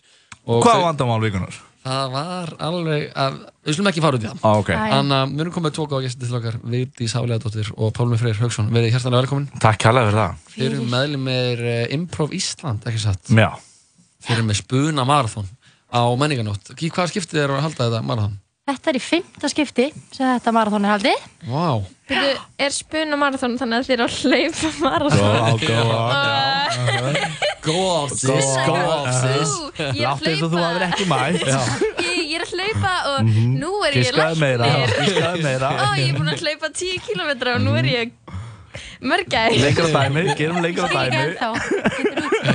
Það er að hlaupa marathon Já. og spinna. hlaupa og spinna. Nei því miður, uh, við erum bara að spinna En frábært gisk hérna, En við erum að spinna hérna, í 5 klukkutíma Eðast ekki samfleitt Við erum með fullt af atriðum uh, Á hálftíma fresti breytist hópurinn Og við kannski tæmum rýmið En þetta er í 5 klukkutíma samfleitt Bara stanslust uh, Stanslust skemmtun Í þjóðlegu skemmtarunum Ekki hægt að hafa gaman. nei Uppi með orkuna Hvað Já. gerist ef einhver reynir að vera leðalur á spinamarathoninu? Einhver gestur. Nei, bara einhver Ef einhver er að vera leiðilegur. Já. Á sviðinu Ég er bara einhver Það er minn Einhver fyrir upp á sviðu og er eitthvað. We got a lot of time Þú veist, hvað áttu við með leiðilegu? Bara með leiðindi eða bara segja Ófyndin. hluti? Já, bara allt Vá, við þurfum að koma með eitthvað svona Það þurfa að plan. vera einhver viðurlög Eh, Sko, já, ef einhver rey, eða, það væri bara mjög skrítið út að við erum búin að spinna saman ógeðslega lengi uh, í mörg ár og marga sýningar þannig að einhver ákveður þann dag að vera leiðilegur þá væri það bara mjög undald að hafa komast í gegnum allar það síu sem þú ætti að komast í gegnum til að komast að henni stað að spinna með Improv Ísland á menninganótt og verða allt í einu ákveða þá að verða leiðilegur Þannig að við erum er, vissulega ekki með henni að varðaður ástæðan Þau eru að hugsa út í þetta, sko. Já, ógeðslega góð punktur. Að að ég hafi pælt í þessu. Já, þetta er að- bara mjög vandræðilegt og mjög nöðalegt að hvernig þurfa að horfast í auðvita í bytni útsendingu. Já, einmitt. You put us on the spot. Þú alltaf bara eitthvað, á hvað ef einhver leiðilegur styrla allans í kvöld á gigginu? Þá ég verðum með að bara aðgera á þetta sem bara fer af stað ef einhver er með Við verðum að fá afrita þessar aðgerða áallum fyrir improv uh, marathónið okkar. við getum að skoða það. Já, bara sjá fyrir mér eitthvað að vera leðilegan tónleikum, bara tónlisti fyrir í gang, hann lappar upp á mæknum og bara bara eitthvað svona, þetta getur líka gæst í spuna. Ég hef lent oft í því að það hefur ekki verið mjög leðalur út í krátinu og ég er bara stoppað að spila. Sérstaklega ef fólk er að slást, þá stoppa ég alltaf. Já. Þegar ekki lent í því að eitthvað er að slást Á, á já. Nei, það er mikið gleðið það sko. Við rákum nú eh, fólk út í hitti fyrir held ég. Já, það? Það var uh, gammandi upp á svið og var í glasi. Nei, það er ekki lægi. Nei, það, það var í glasi Það var í pinglu, þannig að það var auðvitað endaði út Já. Man tók Bara- glasi upp og bara Ah, strákar. Ah, allt er að segja gaman að fá spunaleikara Já, það er bara grín. Grín, grín, Ó, grín já, já, já, já. En, uh, já, hvað sér þú það? Nei, bara er það þannig í spuna þú þarfst að vera fyndin stöð þetta má slanga á og líka þegar þú ferð af sviðinu ertu líka það að vera fyndin, skilur Sko, ég get talað sem svona nýmanneska í Improv Ísland hóflum. Það var óþólandi að hanga með þessu fólki fyrstu mánuðina að því Mhm. það var, sko, það var ekki hægt að tala saman á okkur bara, það var bara ding, ding, ding, allir að henda Næsti fram eh, bröndurum, en Tengingar fólk getur og- líka að slaga á Já. og hérna en nei, maður hann nú ekki verið skemmtilegur alltaf Nei, nei, uh, Takk fyrir að horfa á mig eftir þessa staðingu Já, Pálmi hefur alltaf svona tekið á sig að vera það er með svona leðalur Já, já, nei, tölum um alvarlega hluti hérna, er ég ofta að segja á barnum eftir á. Ah, Vitið þið hvernig ás- ástandið í Mosambík er, akkurat núna Svona aðeins taka alvarlega hluti inn í samræðin og ef þú segir þetta við hópa spunuleikarum þá er þið bara þá komaði með hvað er það er brauð Já. Classic comedy hits. Já, nákvæmlega En eru þið spennt fyrir ykkur öðra menningarnótt? er eitthvað annað sem vilji peppa þar eða eru þið bara hátið allt nema improv? Já, ég skil ekki okkur einhver eftir að gera eitthvað annað en að mæta á spunamarathon. Nei. Er eitthvað annað í gangi eða? Ég held að þetta væri bara, Spunadlaður mikli Já, já, jú, það er náttúrulega flugeldasýning ah, Er, þú veist, ok, er flugöldasýningar skemmtilegar? Nei, Come on, þú veist, virkilega Já, þar Nei. eru það út af því að það er allir að gera það sama saman. Þeir eru, Horfa á eru sko Já. ógeðslega mengandi svo kemur geða mikill háfaði og þeir líður illa. Flugeldar sem mengandi. Já, eru það að vera leðaleg núna? Já, ég er að vera leiðileg er spunuleikari Já. núna. Mm, Jói fór beint í aðgerða á herma eftir hinum. Það er gaman Ég er ekki að segja að það sé svo gaman að horfa okkur ljós upp í loftinu Mér finnst það persónulega gaman af Því ég er bara ólst upp við að fara alltaf upp á okkur ljós upp í loftinu? Skólarholt, já, sprengingar Þetta er náttúrulega bara, þetta er stemning En það sem er gaman Mm. er að það er allir að gera það sama Það er allir að gera saman í einhverju Af því að á þessum síðustu Þú getur líka bara að lappa niður lögavegin og hugsa bara Við erum alltaf að gera það saman Sama að Við það er erum- fólk bara eitthvað svona að Í sínu. Já. mismunandi fókus. Já, Mhm. þannig er bara Það er eitt sjó í gangi og það er flugöldasjóið Já. Og það er allir að horfa á það. Samanleg reynsla. Þetta er sem ég er alltaf að tala um. Samanleg reynsla, það er hvergi að þetta Þetta er það sem þú ert alltaf að tala um. Ég er alltaf að tala um þetta. Ég hef aldrei tekið það eftir því. lóu Hún byrjar strax að roasta þig og Já, eitthvað ég bara- vesen. Samanleg reynsla, það lofa bara "Jú, jú, jú, jú, Þú talar- þú talar aldrei um þetta. Nei, af því að það, það er svo lítið eftir aðeim Já. Það eru stóri íþróttaviðburðir. Mhm. Það eru flugöldasýningar en jafnvel sko í þetta viðbörjum þá heldur fólk með ólíku liðum sko. Þannig að þarna situr fólk bara og er að horfa sama. Mhm. Það heldur með mismunandi flugöldum Það er alltaf eitthvað. Nú er þannig Já, er Já, áfram þessi Nei, Ó, nei, hún tapaði, ég er farin heim. Það er eitthvað svona annars vegar heldur með þú veist raketum eða kökum Já. Skilur við Þú heldur með ílum. Ílum og Ég er bara óþólandi hljóð. Já En þetta er náttúrulega, þetta eru sí, síðustu við einbendingarna eru, þú veist, flugöldsýningar gæðilega, Já. leikhús, uh, kveikmyndahús, fótbolta, eða nei, íþróttaviðbyrði. Útvarpsþættir. Nei Ég veit alveg hvort þú flokkast undir einhverja samanlega upplifun Jú, það er allir með kveikt og útvarpinu að hlusta saman Inn í baðstofunni Sikkur sikkur Já, lagi þú heldur það sé ennþá í gangi, að fólk sé núna í baðstofunni með one on one, one on one radio í gangi. Það fer inn í stofu, öll fjölskylda sittir í ring og þau kveikja á 101 og hlusta Já, Mm. wow.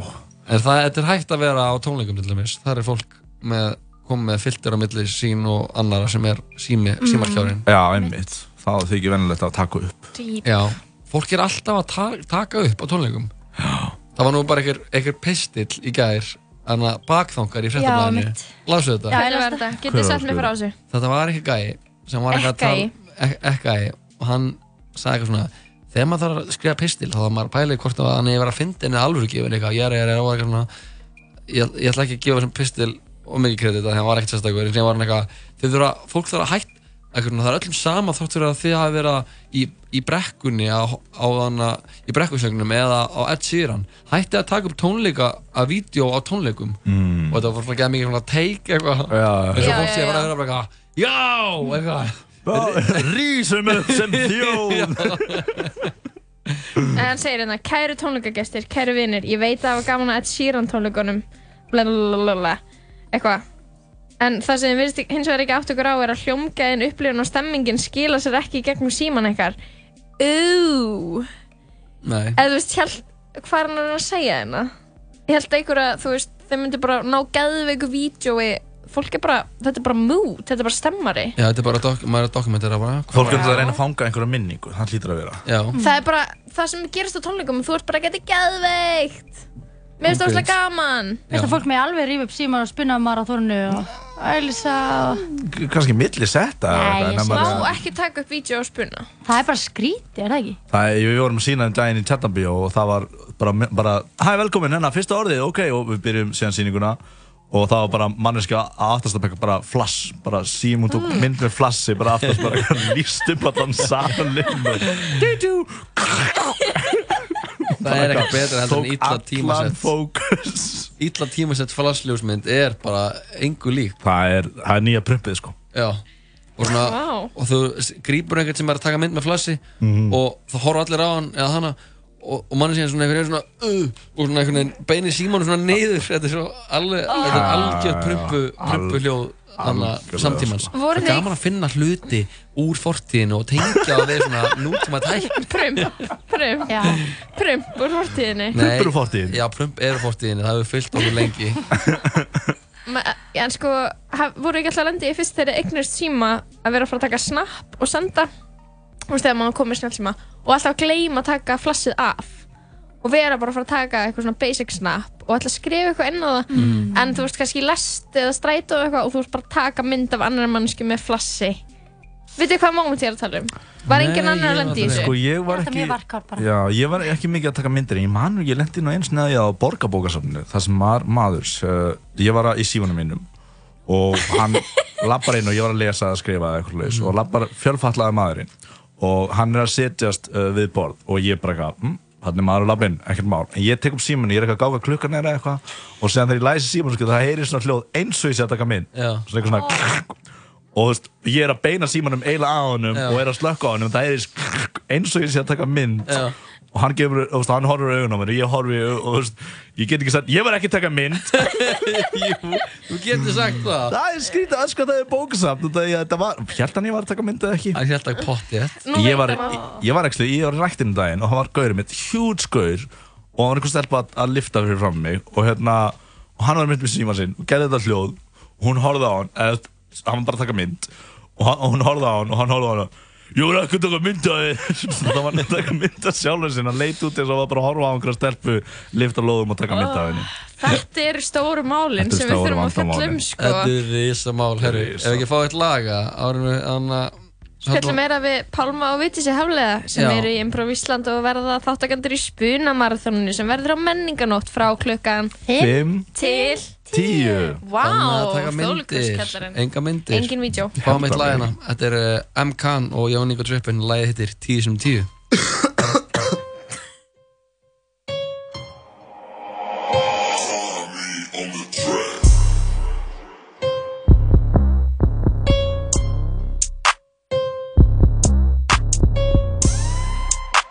Tíu sinnum tíu, alltaf þið tíu og það er gang Gæla þinn up in the feelings, no I ain't beating them and straight Up in the band or cutting these bankrolls, I'ma shot you go bam.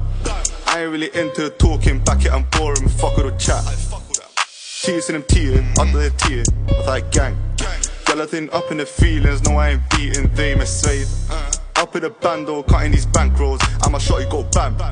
I ain't really into the talking, back it I'm boring, fuck with the chat Okay, okay. Let me just get this straight. See, man try say my name. Why? Only cause I fucked his babe. Like, no, I ain't into the verbal, so I pull up, man, I splash my bait. Who's that eat with a fade? JR go G check you, so this fuck off blade. Splash no fops and I run from cops. Ain't been there, so the squad got locked. J's on my feet and I mix with a bop. Yeah, I dip down, enough of them up, block fox. Get round there, tryna bring something long.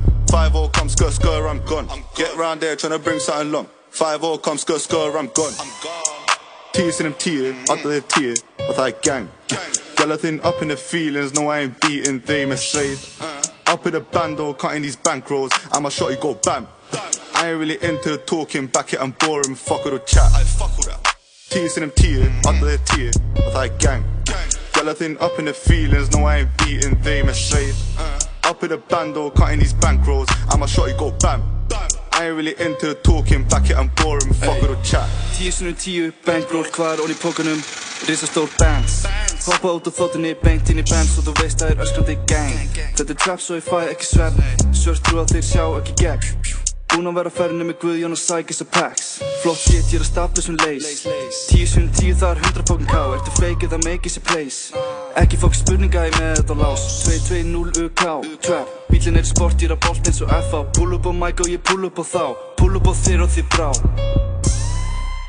Tíu sinnum tíu, alltaf þið tíu og það er gang. Gæla þinn up in the feelings, no I ain't beating them and straight. Up in the band or cutting these bankrolls, I'ma shot you go bam I ain't really into the talking, back it I'm boring, fuck with the chat. Tíu sinnum tíu, alltaf þið tíu og það er gang. Gæla þinn up in the feelings, no I ain't beating them and straight Up in the band or cutting these bankrolls, I'ma shot you go bam. I ain't really into the talking, back it I'm boring, fuck with the chat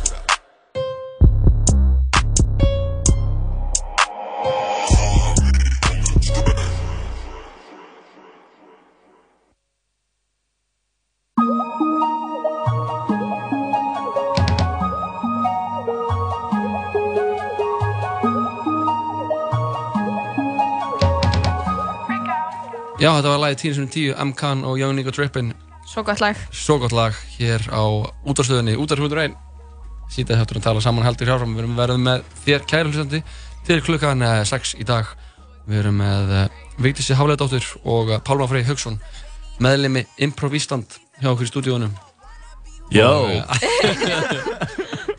Ætlar að fara í karakter eða? Ef að fara í eitt svona stuttan karakterspuna Já, og þið- Ég segi bara orð og þið bara byrja að spinna. Við megum það ekki, þið miður Megið það ekki? Já, við megum það ekki. Hver Og er það eitthvað svona rules of the trade? Þið miður, megum ekki fara í spuna í útarpi Það er líka bölvuna Við gerðum það fyrir fimm árum síðan, fyrir fyrsta minninguna og það var hræðilegt og við bara, herri, við ætlum ekki að gera þetta aftur. Við erum með, með upptöku af því. Ég væri Ok, svo til í að hlusta á það En ég veit að þetta blöffa. Nei, við erum upptöku, við ætlum að spila hana núna. Gekkja, ég var ekki í Eitt, þessu. tveir og play. Og byrja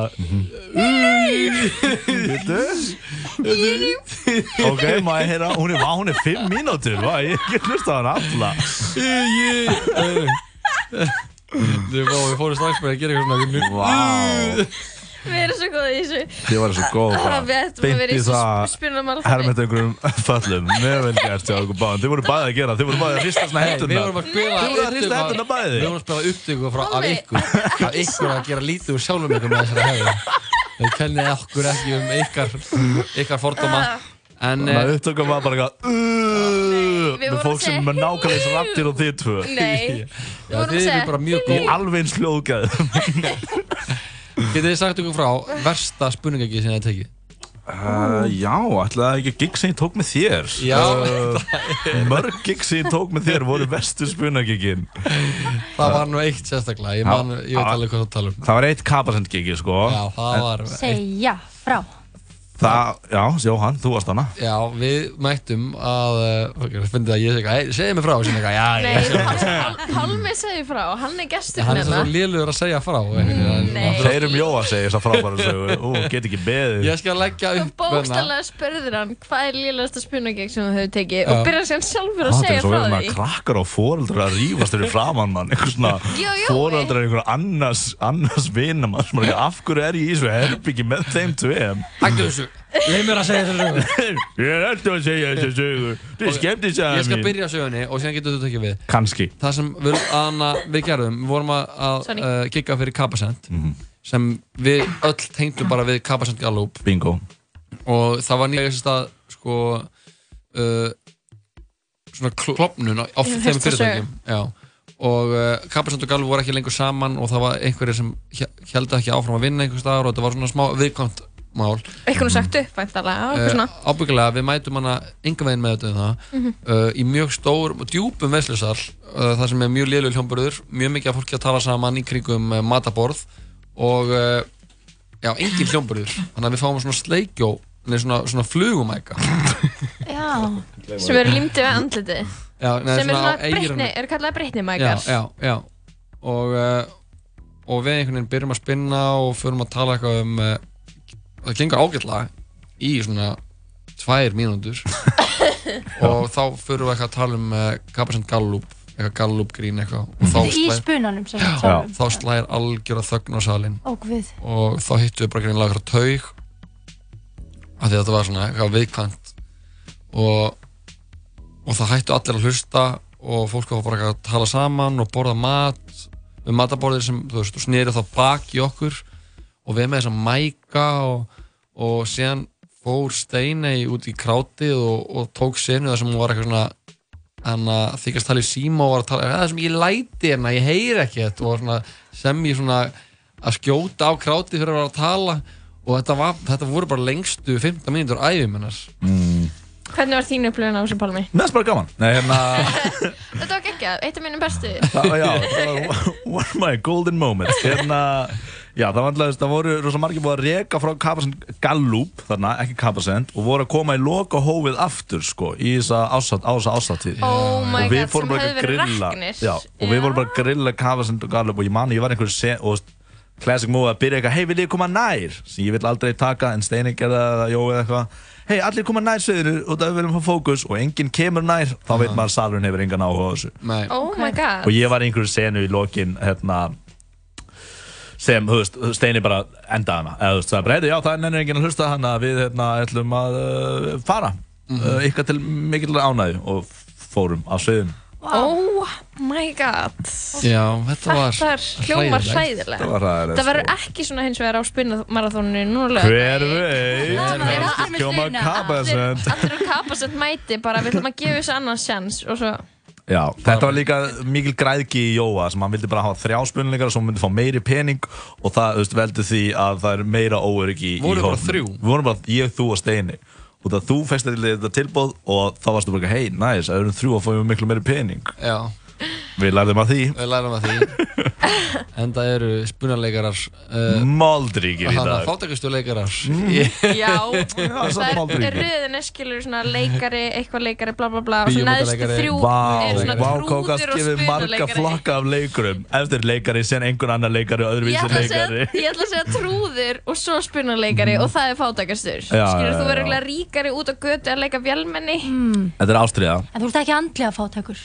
Nákvæm, Nei, heyr, andlega heyr. ríkur. Andlega ríkur Og bara Og ekki lestur inn í einhverju búri hérna. Kemur leigusalinn. Bickering like old married couple Síðan kemur leigusalinn bara Er þú skulda leigu og bara Já, ég er mjög andlega ríkur Ég get borgað það Kem aftur að ári, segir hann þá. Nei, hann fyrir bara að spinna.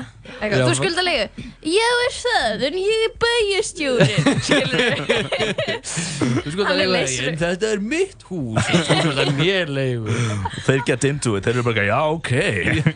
Fæ að vera í spuna sinu Herru, hvað getið sagt ykkur meira frá þessu marathóni? Er eitthvað svona, eitthvað spe special sem þið ætla að gera í ár sem ætla að svona brjóta út á vanunum frá Við erum alltaf með tvo söngleiki, söngleikaspuna, það er svona Ok. okay. splungunýtt. Þetta byrjar alltaf á hálfa heila tímanum. Já, Sen eru alls konar hópar að koma fram Það eru æfingar hópurinn hópar sem heitir Hey sem vann uh, líktu betur fyrir nokkrum árum uh, fjóra Við erum með söngleikaspuna Við erum með movie commentary þar sem við uh, þykist erum með commentary yfir kvikmynd. Það er mjög skemmtilegt. Það var mjög Er skemmtilegt. Þetta nú að vera að sína það í, í kjallaranum? Við gerðum það í fyrra uh, sem var eitt af uppáhaldsettunum mínum Mhm. mínus það að við byrjum við vorum að kommenta yfir ófærð fyrsta þáttin ófærð geðið og hérna og það voru bara fremstu línan var á einhverjum ástæðum voru úst, úlingar eða svona tíara börn eða eitthvað sem er ekki besti já. úlingar eða jafnvel yngri sko Já. Og við bara, hei, látum að fyrsta þáttin ófært og við vorum, og ég stjórnaði um dýrunum í þáttunum og var að, kommentera yfir það. Nema við glemdi því að byrjun að senna ófært er Baltasarbreki að fara niður á einhverja stelpu. Þannig að Já. það var svona það fyrsta við varum að sína Það er við Sem- byrjun smá erfum byrjun sko. En við komumst yfir á það var bara frábært form. Og bara það skemmtar sér allir konunglega á einbróðsýningu sko. Já.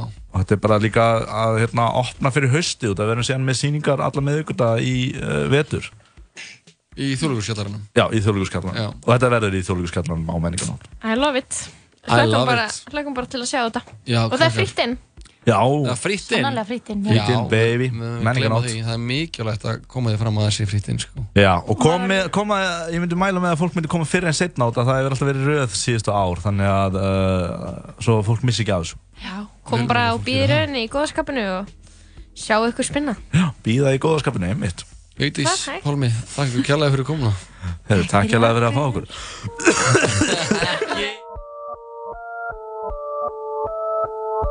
Okay, bet. I just made your girl scared. She wreck. The sex you make my dick a wreck. Kill man, you next. Disrespect the set. Now grab your head. Dislocate your neck. Niggas couldn't intercept. It's payday, fellas. Now they're acting like they're innocent. eh. If I ling him in his head, eh, nigga go and hit the deck. eh. Gonna lose your intellect. So it's fucking payday, motherfucker. Okay, bet. I just made your girl scared. She wreck. The said she make my dick a wreck. Kill man, you next. Disrespect. Eh. Grab your head. Eh. I'll crack your neck. Eh. You get me vexed. And then I'm dead. Grab your head. I'll crack your neck. I just made your girl scared. I just asked your girl, please get on your knees, grab the tip and squeeze. Please don't use your teeth. It really hurts when I have to leave. Had to catch a flight, man. I get money overseas. That's why I'm not looking at the price when I want it. Boy, better know Essie with some bosses. What do you mean? Why am I wearing Louis? Can't you see Virgil's in the office? Greatness only. I see you pussies trying to stop it.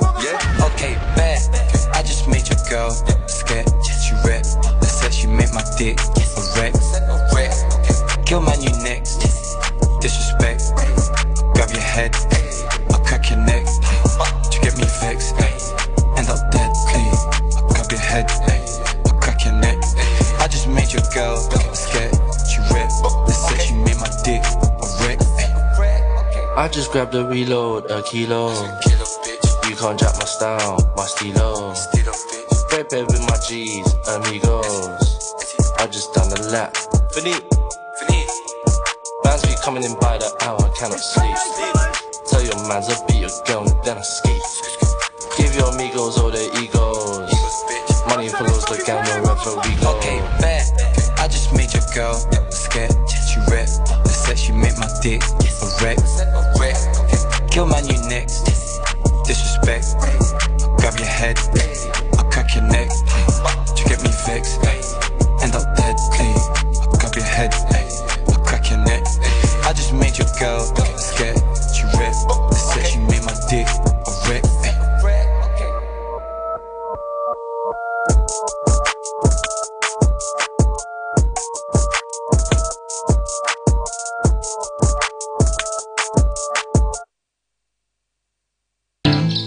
Ég segja?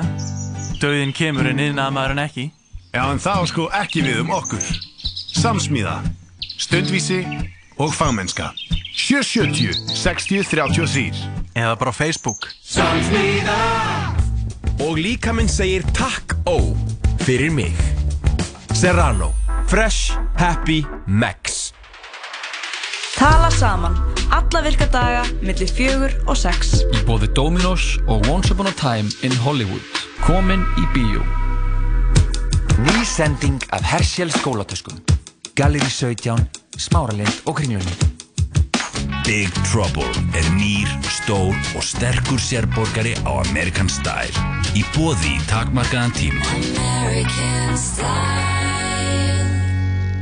Rauðrófan er komin aftur í djúsin eða á samlokuna. Joe and the Juice, kaffi, djús og svo miklu meira. Látum bílakaupin smella. Ergo býður fjölbreytta möguleika í bílafjármögnun. Getuður kostina á ergo.is. Við fjármögnum það sem upp á vantar. Ergo. Gommugláp og bland í póka í kvöld. Stöð 2 marathón er stútfullt af frábærum þáttaröðum sem þú getur hort á hvar og hvenar sem er. Tryggðir áskrift fyrir aðeins 2990 krónur á mánuði á stöð2.is. Já, sítið sattunum tala saman heldur áfram í sítiðinu á þessum uh, ágæta miðugudagsmorni. Nei, miðugudagsmorni, miðugudags Hvað er það að segja? Ég, ég Ég þarf að gera, bara, ég þarf að, veistu hvað? ég er Jói? ennþá, það er ennþá fast í mér að við vorum eins og í morgunútvarfi Já. og þá finnst mér alltaf svo skrítið að við séum hérna í sítiðisútvarfi. Gerðu grein fyrir hvað ég á við? Mm, já, ég skilji, en ég í alveg ætti að gera eitthvað svona compilation fyrir YouTube eða eitthvað, þar sem þú ert að segja vittlösa dagsetningu og vittlösa tímasetningu í útvarpi, skilju. Anna, um daginn varst að segja klukkan væri kortir í eitt, þá maður kortir í fimm. Mhm. Ég veit ekki, hvað hva ætli sjóið þig? Tíminn, hann er bara eins og hann er, þú veist. Hann, en þú veist, þetta alltaf að segja eitthvað klukkunar þegar þú veist ekki, ertu bara að giska. Nei, ég horfa á... Ertu bara svona, sittur upp pautanum til og er bara, hún er þrjú. Og hann bara, nei, þáttunum byrja fjögur. Eða skilur, hvað er þetta? En paldi hvað verður geggjað ef ég myndi bara giska út í lofti hvað klukkan væri og Mm. myndi hitta á réttum tíma. Mhm, Ég er alltaf að gera það, ég er alltaf að fara út og horfa svona hvar sólin er. Ég er mm mjög góð í því, sko. Gerðu þú það líka eða? Ég, nei, ég gerði það þegar ég var á larpinu því að þá vissi maður ekki hvað tímanum leið. Mhm. Þá fór maður út, út í tjaldinu maður horfði upp, til heimins og maður sagði, mm, já, alltaf sé ekki svona 11. Mm Og fæstu einhvern tímann einhverja staðfesting því hvort það er rétt fyrir eða þú veist, Já, að, þú veist, var einhver, hómi með, klukku. Já. Máli er bara, þetta er- að skrítið en þú veist, máli er að þú veist, þú ert búin að lifa einhverja, þú veist, þúsundir daga, skilur, á jörðinni. Milljónir daga. Að það, alveg. I don't know. Alveg þúsund þúsundir eða? Já. Ég held ekki. Nei, ég veit ekki. Ok, ég veit ekki hvað þúsund þúsundir er mikið, ég er ekki góð í tölum, skilur, en allavega, þú ert búin að lifa ykkur á þúsundu daga, þannig að þú ert alltaf, skilur, á, á hverju minnstu degi, þá sérðu sólargangin. Mhm, mhm. Þá ættir að vera að koma kannski ágæta tilfinningu fyrir því, kannski sirka hvað klukkan er. Já, jú. Þú veist, sérstaklega þegar það er eitthvað haust og vor, það er Mhm. ekki eitthvað hásumar. Já. Það er erfitt á vetuna samt, er það ekki? Er það, ekki, er það, er það, er það kannski auðvöldar á vetuna? Ég veit ekki, það er svona tveir mánuðir sem er mjög slæmir, náttúrulega, þú veist, november, desember er mjög erfir, skilur, og janúar, janúar reynda líka. Mars, april, mæ, júni, júli, ágúst. Nú ertu búin að segja alla mánuðina. uh, september, oktober, nóvember, desember þetta eru náttúrulega bara mánuðinir Já, og við- ef við viljum tala um þá þá kann ég heitin á þeim öllum Ó, herri, það var gett gaman. Við vorum með, þú veist, spunuleikara hérna bara í 40 mínútur eða eitthvað í viðtali hjá okkur, Mhm. eða nei, hálftíma. Hálftíma. uh, Pálma, Frey og Vigdís að Hafliða. Þau eru í sýningarhóp sem er, er að taka þátt í spunumarathoninu í þjóðleikurskjallaranum Mhm. og ég held að þetta verði geða skemmtilegt. Ég held líka að sé bara að fara að vera ógslag gaman á menninganót og við ætlum að við verðum með eitthvað dæmi hérna og eitthvað tónleika og alls konar að gerast. Já. og við munum halda fram að fjalla um það í vikunni Mhm. og tjekka hvað er í gangi og eitthvað svona. Heldur Pétur Mhm. og uh, ef ekki fara þrjus og greitt lag árinu förum í næsta viðfarsefni Jú, gerum það. Uh, við ætlum að uh, höldum, höldum okkur í, í topp tónlist hér, eins líkt og alla aðra daga. Og við langar að hlusta á eitt lag af nýjastu plötu rapparans Krabba Main sem kom út nú á dögunum. Hann kom í viðtal til okkar síðasta fyrstu dag og sagði okkur frá uh, tilurð nafn þessa lags. Ok. lagið heitir Túle skýrt í höfuð á stórum túle í flösku. Já, og uh, sem hann rapparinn tók með sér á preikinu Mhm. forðum, forðum daga. Eða ekki, eitthvað sem maður segir. Góður stem stemmari. Jú, rapparinn Krabba Main, lagið heitir Túle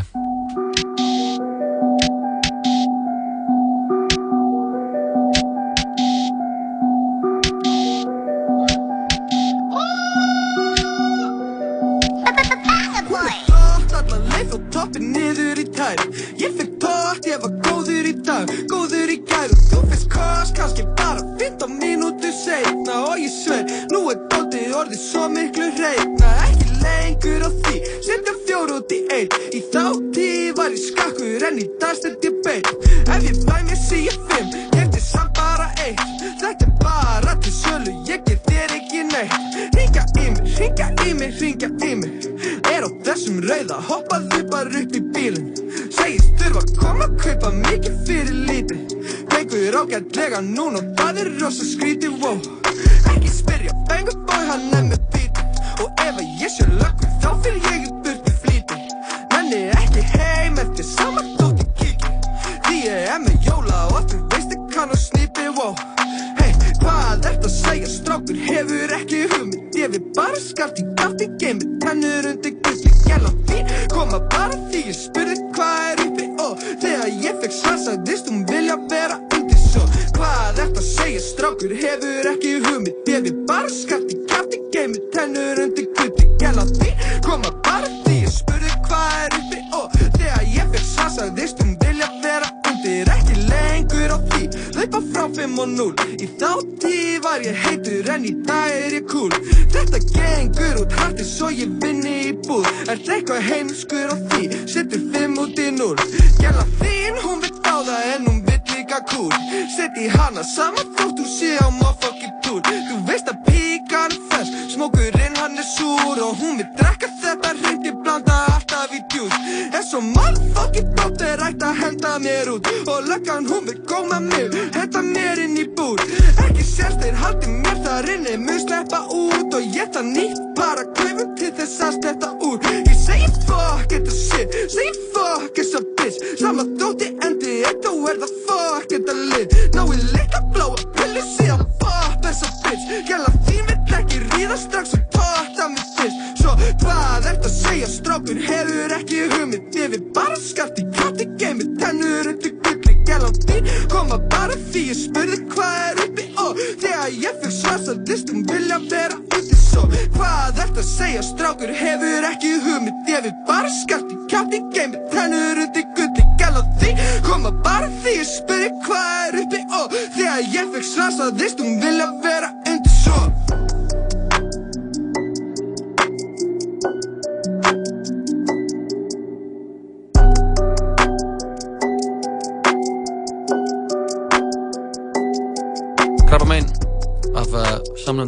kom út í síðustu viku við fengum hann í viðtal á höfstæðin síðasta það er það nálgast staðin á heimasíðan okkar 101.live ef uh, fólki voru áhuga á en uh, við höldum hér áfram í síðið setjum tala saman og uh, Lóa, ég er með smá frétt fyrir þig Já, finnst þér ekki, sorry, áður nú segi fréttina Finnst þér ekki þurfa textar inn í sögu á þetta lag eða?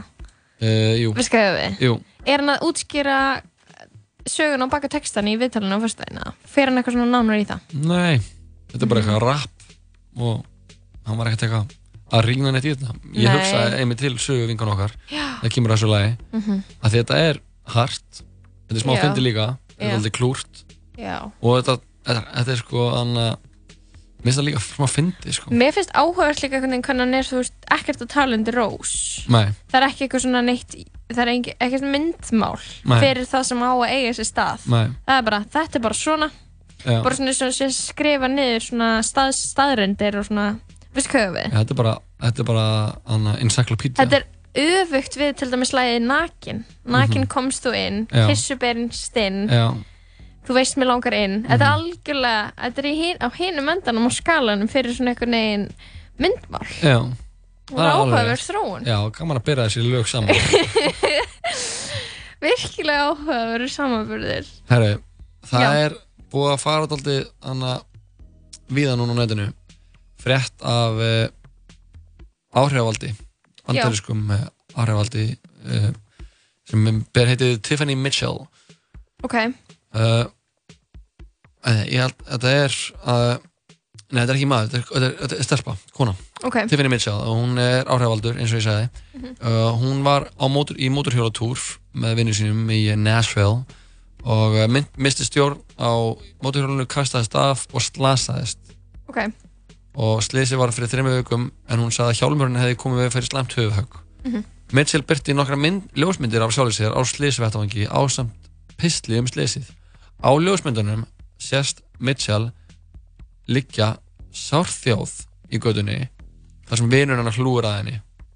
En hliðin á henni er vassflaskra frá fyrirtækinu Smart Water og uh, hún Mitchell Ok. er með fylgjendur sem uh, telja 211.000 manns og uh, þrátt fyrir að flestir hafi bröðist ágjöfullu við og óskaðinni skjóðspata þá vöktu ljósmyndinar grunnsendir annara. Ímsir netverjar tóku þó að gruna, tóku þó að gruna hann um græsku og furðuðu sig á því að það fyrsta sem Mitchell hefði dottið í hug eftir móturhjólarsleysið var að láta ljósmynda sig. Það var nefnir sökuð um dulda auðlýsingu fyrir Smartwater. BuzzFeed bar ásakanir undir Mitchell sem að sagðist aldrei nokkuð tíma geta gert nota svona persónulega sögu í, í auðlýsingarherferð Ok. ekkert í tengslum við þetta var sviðsett. Ég er mjög leið að heyra að sumt fólk sé að taka því þannig. Það er einfallega ekki tilfellið. Bætti Mitchell við áður en hún bað fréttameðilin um að hætta að byrta fréttina því, því hún myndi hafa neikvað áhrif. Mitchell hefur nú tekið myndana út. Hún hvaðist ekki vita, hafa vita að myndatökunni þar til hún var útskrifuð af sjúkrahúsinu. Ég vissi ekki ég vissi ekki að hún hefði tekið þær en hún síndi með þess einna og ég var svo þakklátt að hún hefði náða að fanga svona magþrungi augnablik í lífið mínu Allt fyrir Instagram. Pældi ég að hugsa það, þú ert hérna áhrifavaldur á netinu og þú ert bara eitthvað takk fyrir að fanga þetta augnablík út af því að þú veist þetta er svo gott content. ég var bara eitthvað að smassast á móturhjóli og ég skil ekki hvar þessi smartwater flaska kemur inn Einmitt. Býttu maður að sjá þessa mynd? ef við lýsum fyrir ykkur kærlustendur Nei, sko, þetta er ógeðslega uppstilt. þá liggur uh, þá, í forgrunni myndarinnar má sjá hjálm fyrir aftan, uh, aftan hjálmin er smart water flaska og eitthvað svona brúsi síðan þar fyrir aftan liggur uh, okkar kona Tiffany Mitchell og svona uh, liggur á uh, hæri hliðinni og ber svona höfuð upp að, Þetta- að hæra gagnu á hennu Þetta lítur fake út, þetta lítur uppstilt eins og þessi lýsing, hún er edituð. Og ef þú varst að landa í móturhjólslýsi hvernig standa þá tvær vassflöskur algjörlega svona óhreyfðar? Bara svona fullkomlega stilt upp. Er þetta ekki svona eitt brúsi og ein smartwater flaska? kannski að því að það sendur maður uh, krýpur maður hjá henni sem er að aðstofana og á hinni myndinni þá er hann eitthvað að hjálpa henni á fætur. Logoðu snýr fram, eða ekki? Jú, kannski hefur hann bara bruna, bara hann stoppaði skyndilega skrt, og hoppaði af Mm. og bara, herru, við þurfum að gefa henni vatn. Ok, ok, þú ert að fara að hjálpa mannsku hún er búin að detta niður á móturhjóli og þú Já. ætlar að gefa henni vatn. Ertu í alveg að vanda við að þú veist leggja flöskuna í jörðina og snúa logoinu fram eða hendur flöskunni frá þér? Eða skilur, lætur henni ekki bara liggja einhvern veginn? Kannski var hann bara, kannski svona, lentum bara uh, svona alveg, alveg bein með logoið í áttamyndavelni Nei, Lógoð, hvað, hvað skipti það þetta er, þetta er áhrifavaldur sem potið feikaði móturhjólslis og þú veist, tók þessa myndatöku og Mhm. þetta er bara það vandrarlast sem ég hef séð. Já. sorry, Þetta- já, já, þetta er bara svona þetta er svona smá eins og svona tískumyndataka Mhm. þú veist, lýsingin og eitthvað. Mhm, já. enginn sem lendir í móturhjólslisi fær þannig fotoshoot eftir móturhjólslis það er aldrei fotogenist Nei, það er ekkert þessaklega fótogenist þú ert bara, skilur það, það er bara varð óhapp Mhm. og það er bara messy og það er ekki eitthvað fallegt eða skilur Magþrungi augnablik í lífi hennar uh, Tiffany Mitchell oh my alltaf. god, já, ég er fegin að einhver vekti aðtegla á þessu þetta er náttúrulega bara, þetta er svo augljóslega eitthvað skam sko. Það er líka einhvern veginn þetta áhrif að valda þessi stimpill hvað er að valda einhverjum áhrifum þegar þetta kom út í þetta að fólki farið að stilla upp einhverjum vassflöskum hliðin á sér allegedly Vassflaskan er sko í miðjunu á myndinni. Já, þetta er, þetta er fullkomlega þetta er fullkomlega anna, þetta er fullkomlega product placement sko. Þetta er vöru sick, innsetning, já. hún er bara á fullkomnum stað. Já, maður spyr sig, Hvenær- hvert eru við komin? hvert erum við komin sko? Við veitum það ekki, Jói, við myndum aldrei vera við myndum aldrei gera þetta. Nei, við myndum aldrei gera það.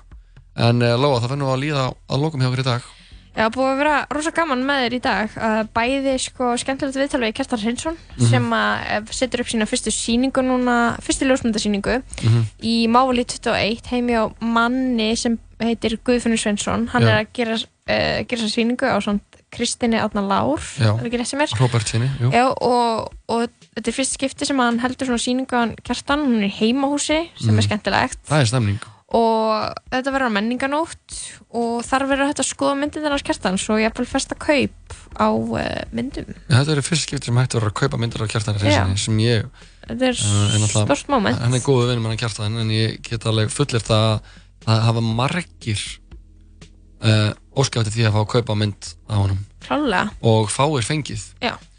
Svo fengum við eh, til okkar hana pop prinsessuna Bríeti Já. Hún eh, kom til okkar sem gesta uh, hvað sem maður, gesta vandamála leysari Já, bara gestastjórnandi í, í, þættin, í, í liðnum vandamálið Mhm. þar sem við fáum uh, innsenda vandamál frá hljósendum þáttarins og uh, gerum okkar besta til að finna far, svona einhverjar hjálpa, lausnir já, hjálpa Svör. hlustendum sem eru í ykkur vanda og hún gaf virkilega góð ráð og við vorum svona tjá, fórum hún sagði okkur svolítið skemmtilegt, hún sagði okkur hún hefði verið að fara í svett sem hún var lítil. Já. mér varst bara geggjað. Og mælti með því. Ég held að við höfum alveg, alveg bóðið upp á einhverjar farsara lausnir fyrir uh, þá sem sendu inn vandamál dagsins í dag. Já. Við vonum allan að við höfum orðið að einhverju liði. Svo fengum við til okkar uh, þau Pálma Frey Hugson og uh, Vigdísi Másdóttur. Nei, Vigdísi Hafleitóttur Ég er Já. að rugglast á Vigdísum. Já. Ég var að rugglast á hana Það er önnu Vigdís sem sem er leikona Já, og, og var að vinna í listaskólanum. Já, frábækona maður blandar saman Vigdísundum Vigdís Hafleðadóttir og Pálmi Freyr Hauksson komið til okkur og sögðu okkur frá spunamarathónu Improv Ísland sem er eh, að vera að halda í fimmtaskipti núna á menninganótt í þjólukuskjallarannum og það er fritt inn. Þetta stendur frá klukkan 5 til 10 um kvöldið. Það er bara að mæta snemma út þegar vanlega alltaf röð og beð eftir að komast inn og það verður geggja, það verður ykkur söngleika spunni og okkur svona. Já. og þau eru líka bara orðin svo góð í þessu og pælir í því, þú veist, Mhm. Improv Ísland hvernig er það að stopna, 2013 eða 14 eða eitthvað? Eitthvað svo, það er Já, ekki. 2013 kannski. Og nei, nei, 2014, sorry. Ég byrjaði í Improv 2015 Mhm. þá var það búið að vera til smá. Ok, anyways uh, þau eru búin að vera aðeins þessu lengi og eru svo farlega góð í þessu. Já, rosalega góð. Þannig að þú veist, þetta er bara world class spunni Mhm. Um, og við hlakkum bara til að sjá og um, þakkum bara fyrir samfélgin í dag. Í tala saman. Já, heldur betur, ég ætla að enda þetta á uh, einu góðu með uh, Arne Kahn. Þetta er þokkala rálegt að það er nú bara ennþá miðgudag við slum ekki fara of geist inn í þessa menningarnættur helgi. Fáum eitt klassistinn af uh, plötunni í nótt með Arne Kahn. Þetta lag heitir Sleikir að þær varnar frá blikar Séða hvernig þú hreyfir þau sleikir á því varirnar og blikkar Halda hvernig þú færði mig Alltaf sem þú gerir er að virka. Séða hvernig þú hreyfir þau sleikir á því varirnar og blikkar Sjö Verð ekki að segja neitt Þú ert bara að horfa og þú veist ég fokkið vil það Séða hvernig þú hreyfir þau sleikir á því varirnar og blikkar Είμαι το κύριο.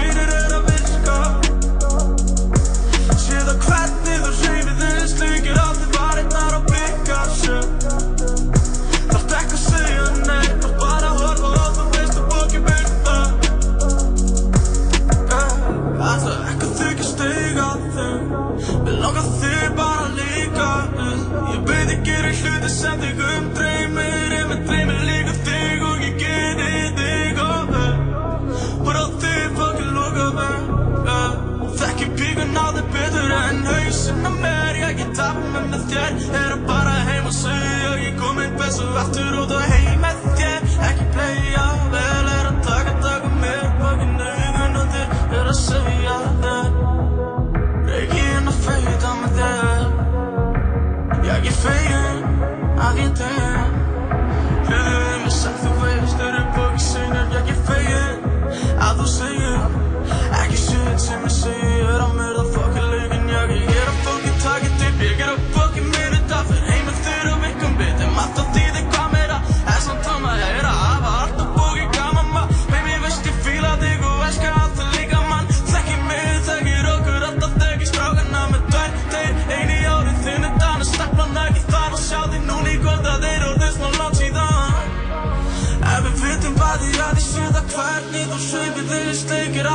varirnar og blinga Hata hvernig þú ferði mig Alltaf sem þú gerir er að virka. Sér að hvernig þú segir þig Sleikir á því varirnar og blinga Það ert ekki að segja neitt Það er bara að horfa á þú Vist að fólki vild á. Sér að hvernig þú segir þig Sleikir á því varirnar og blinga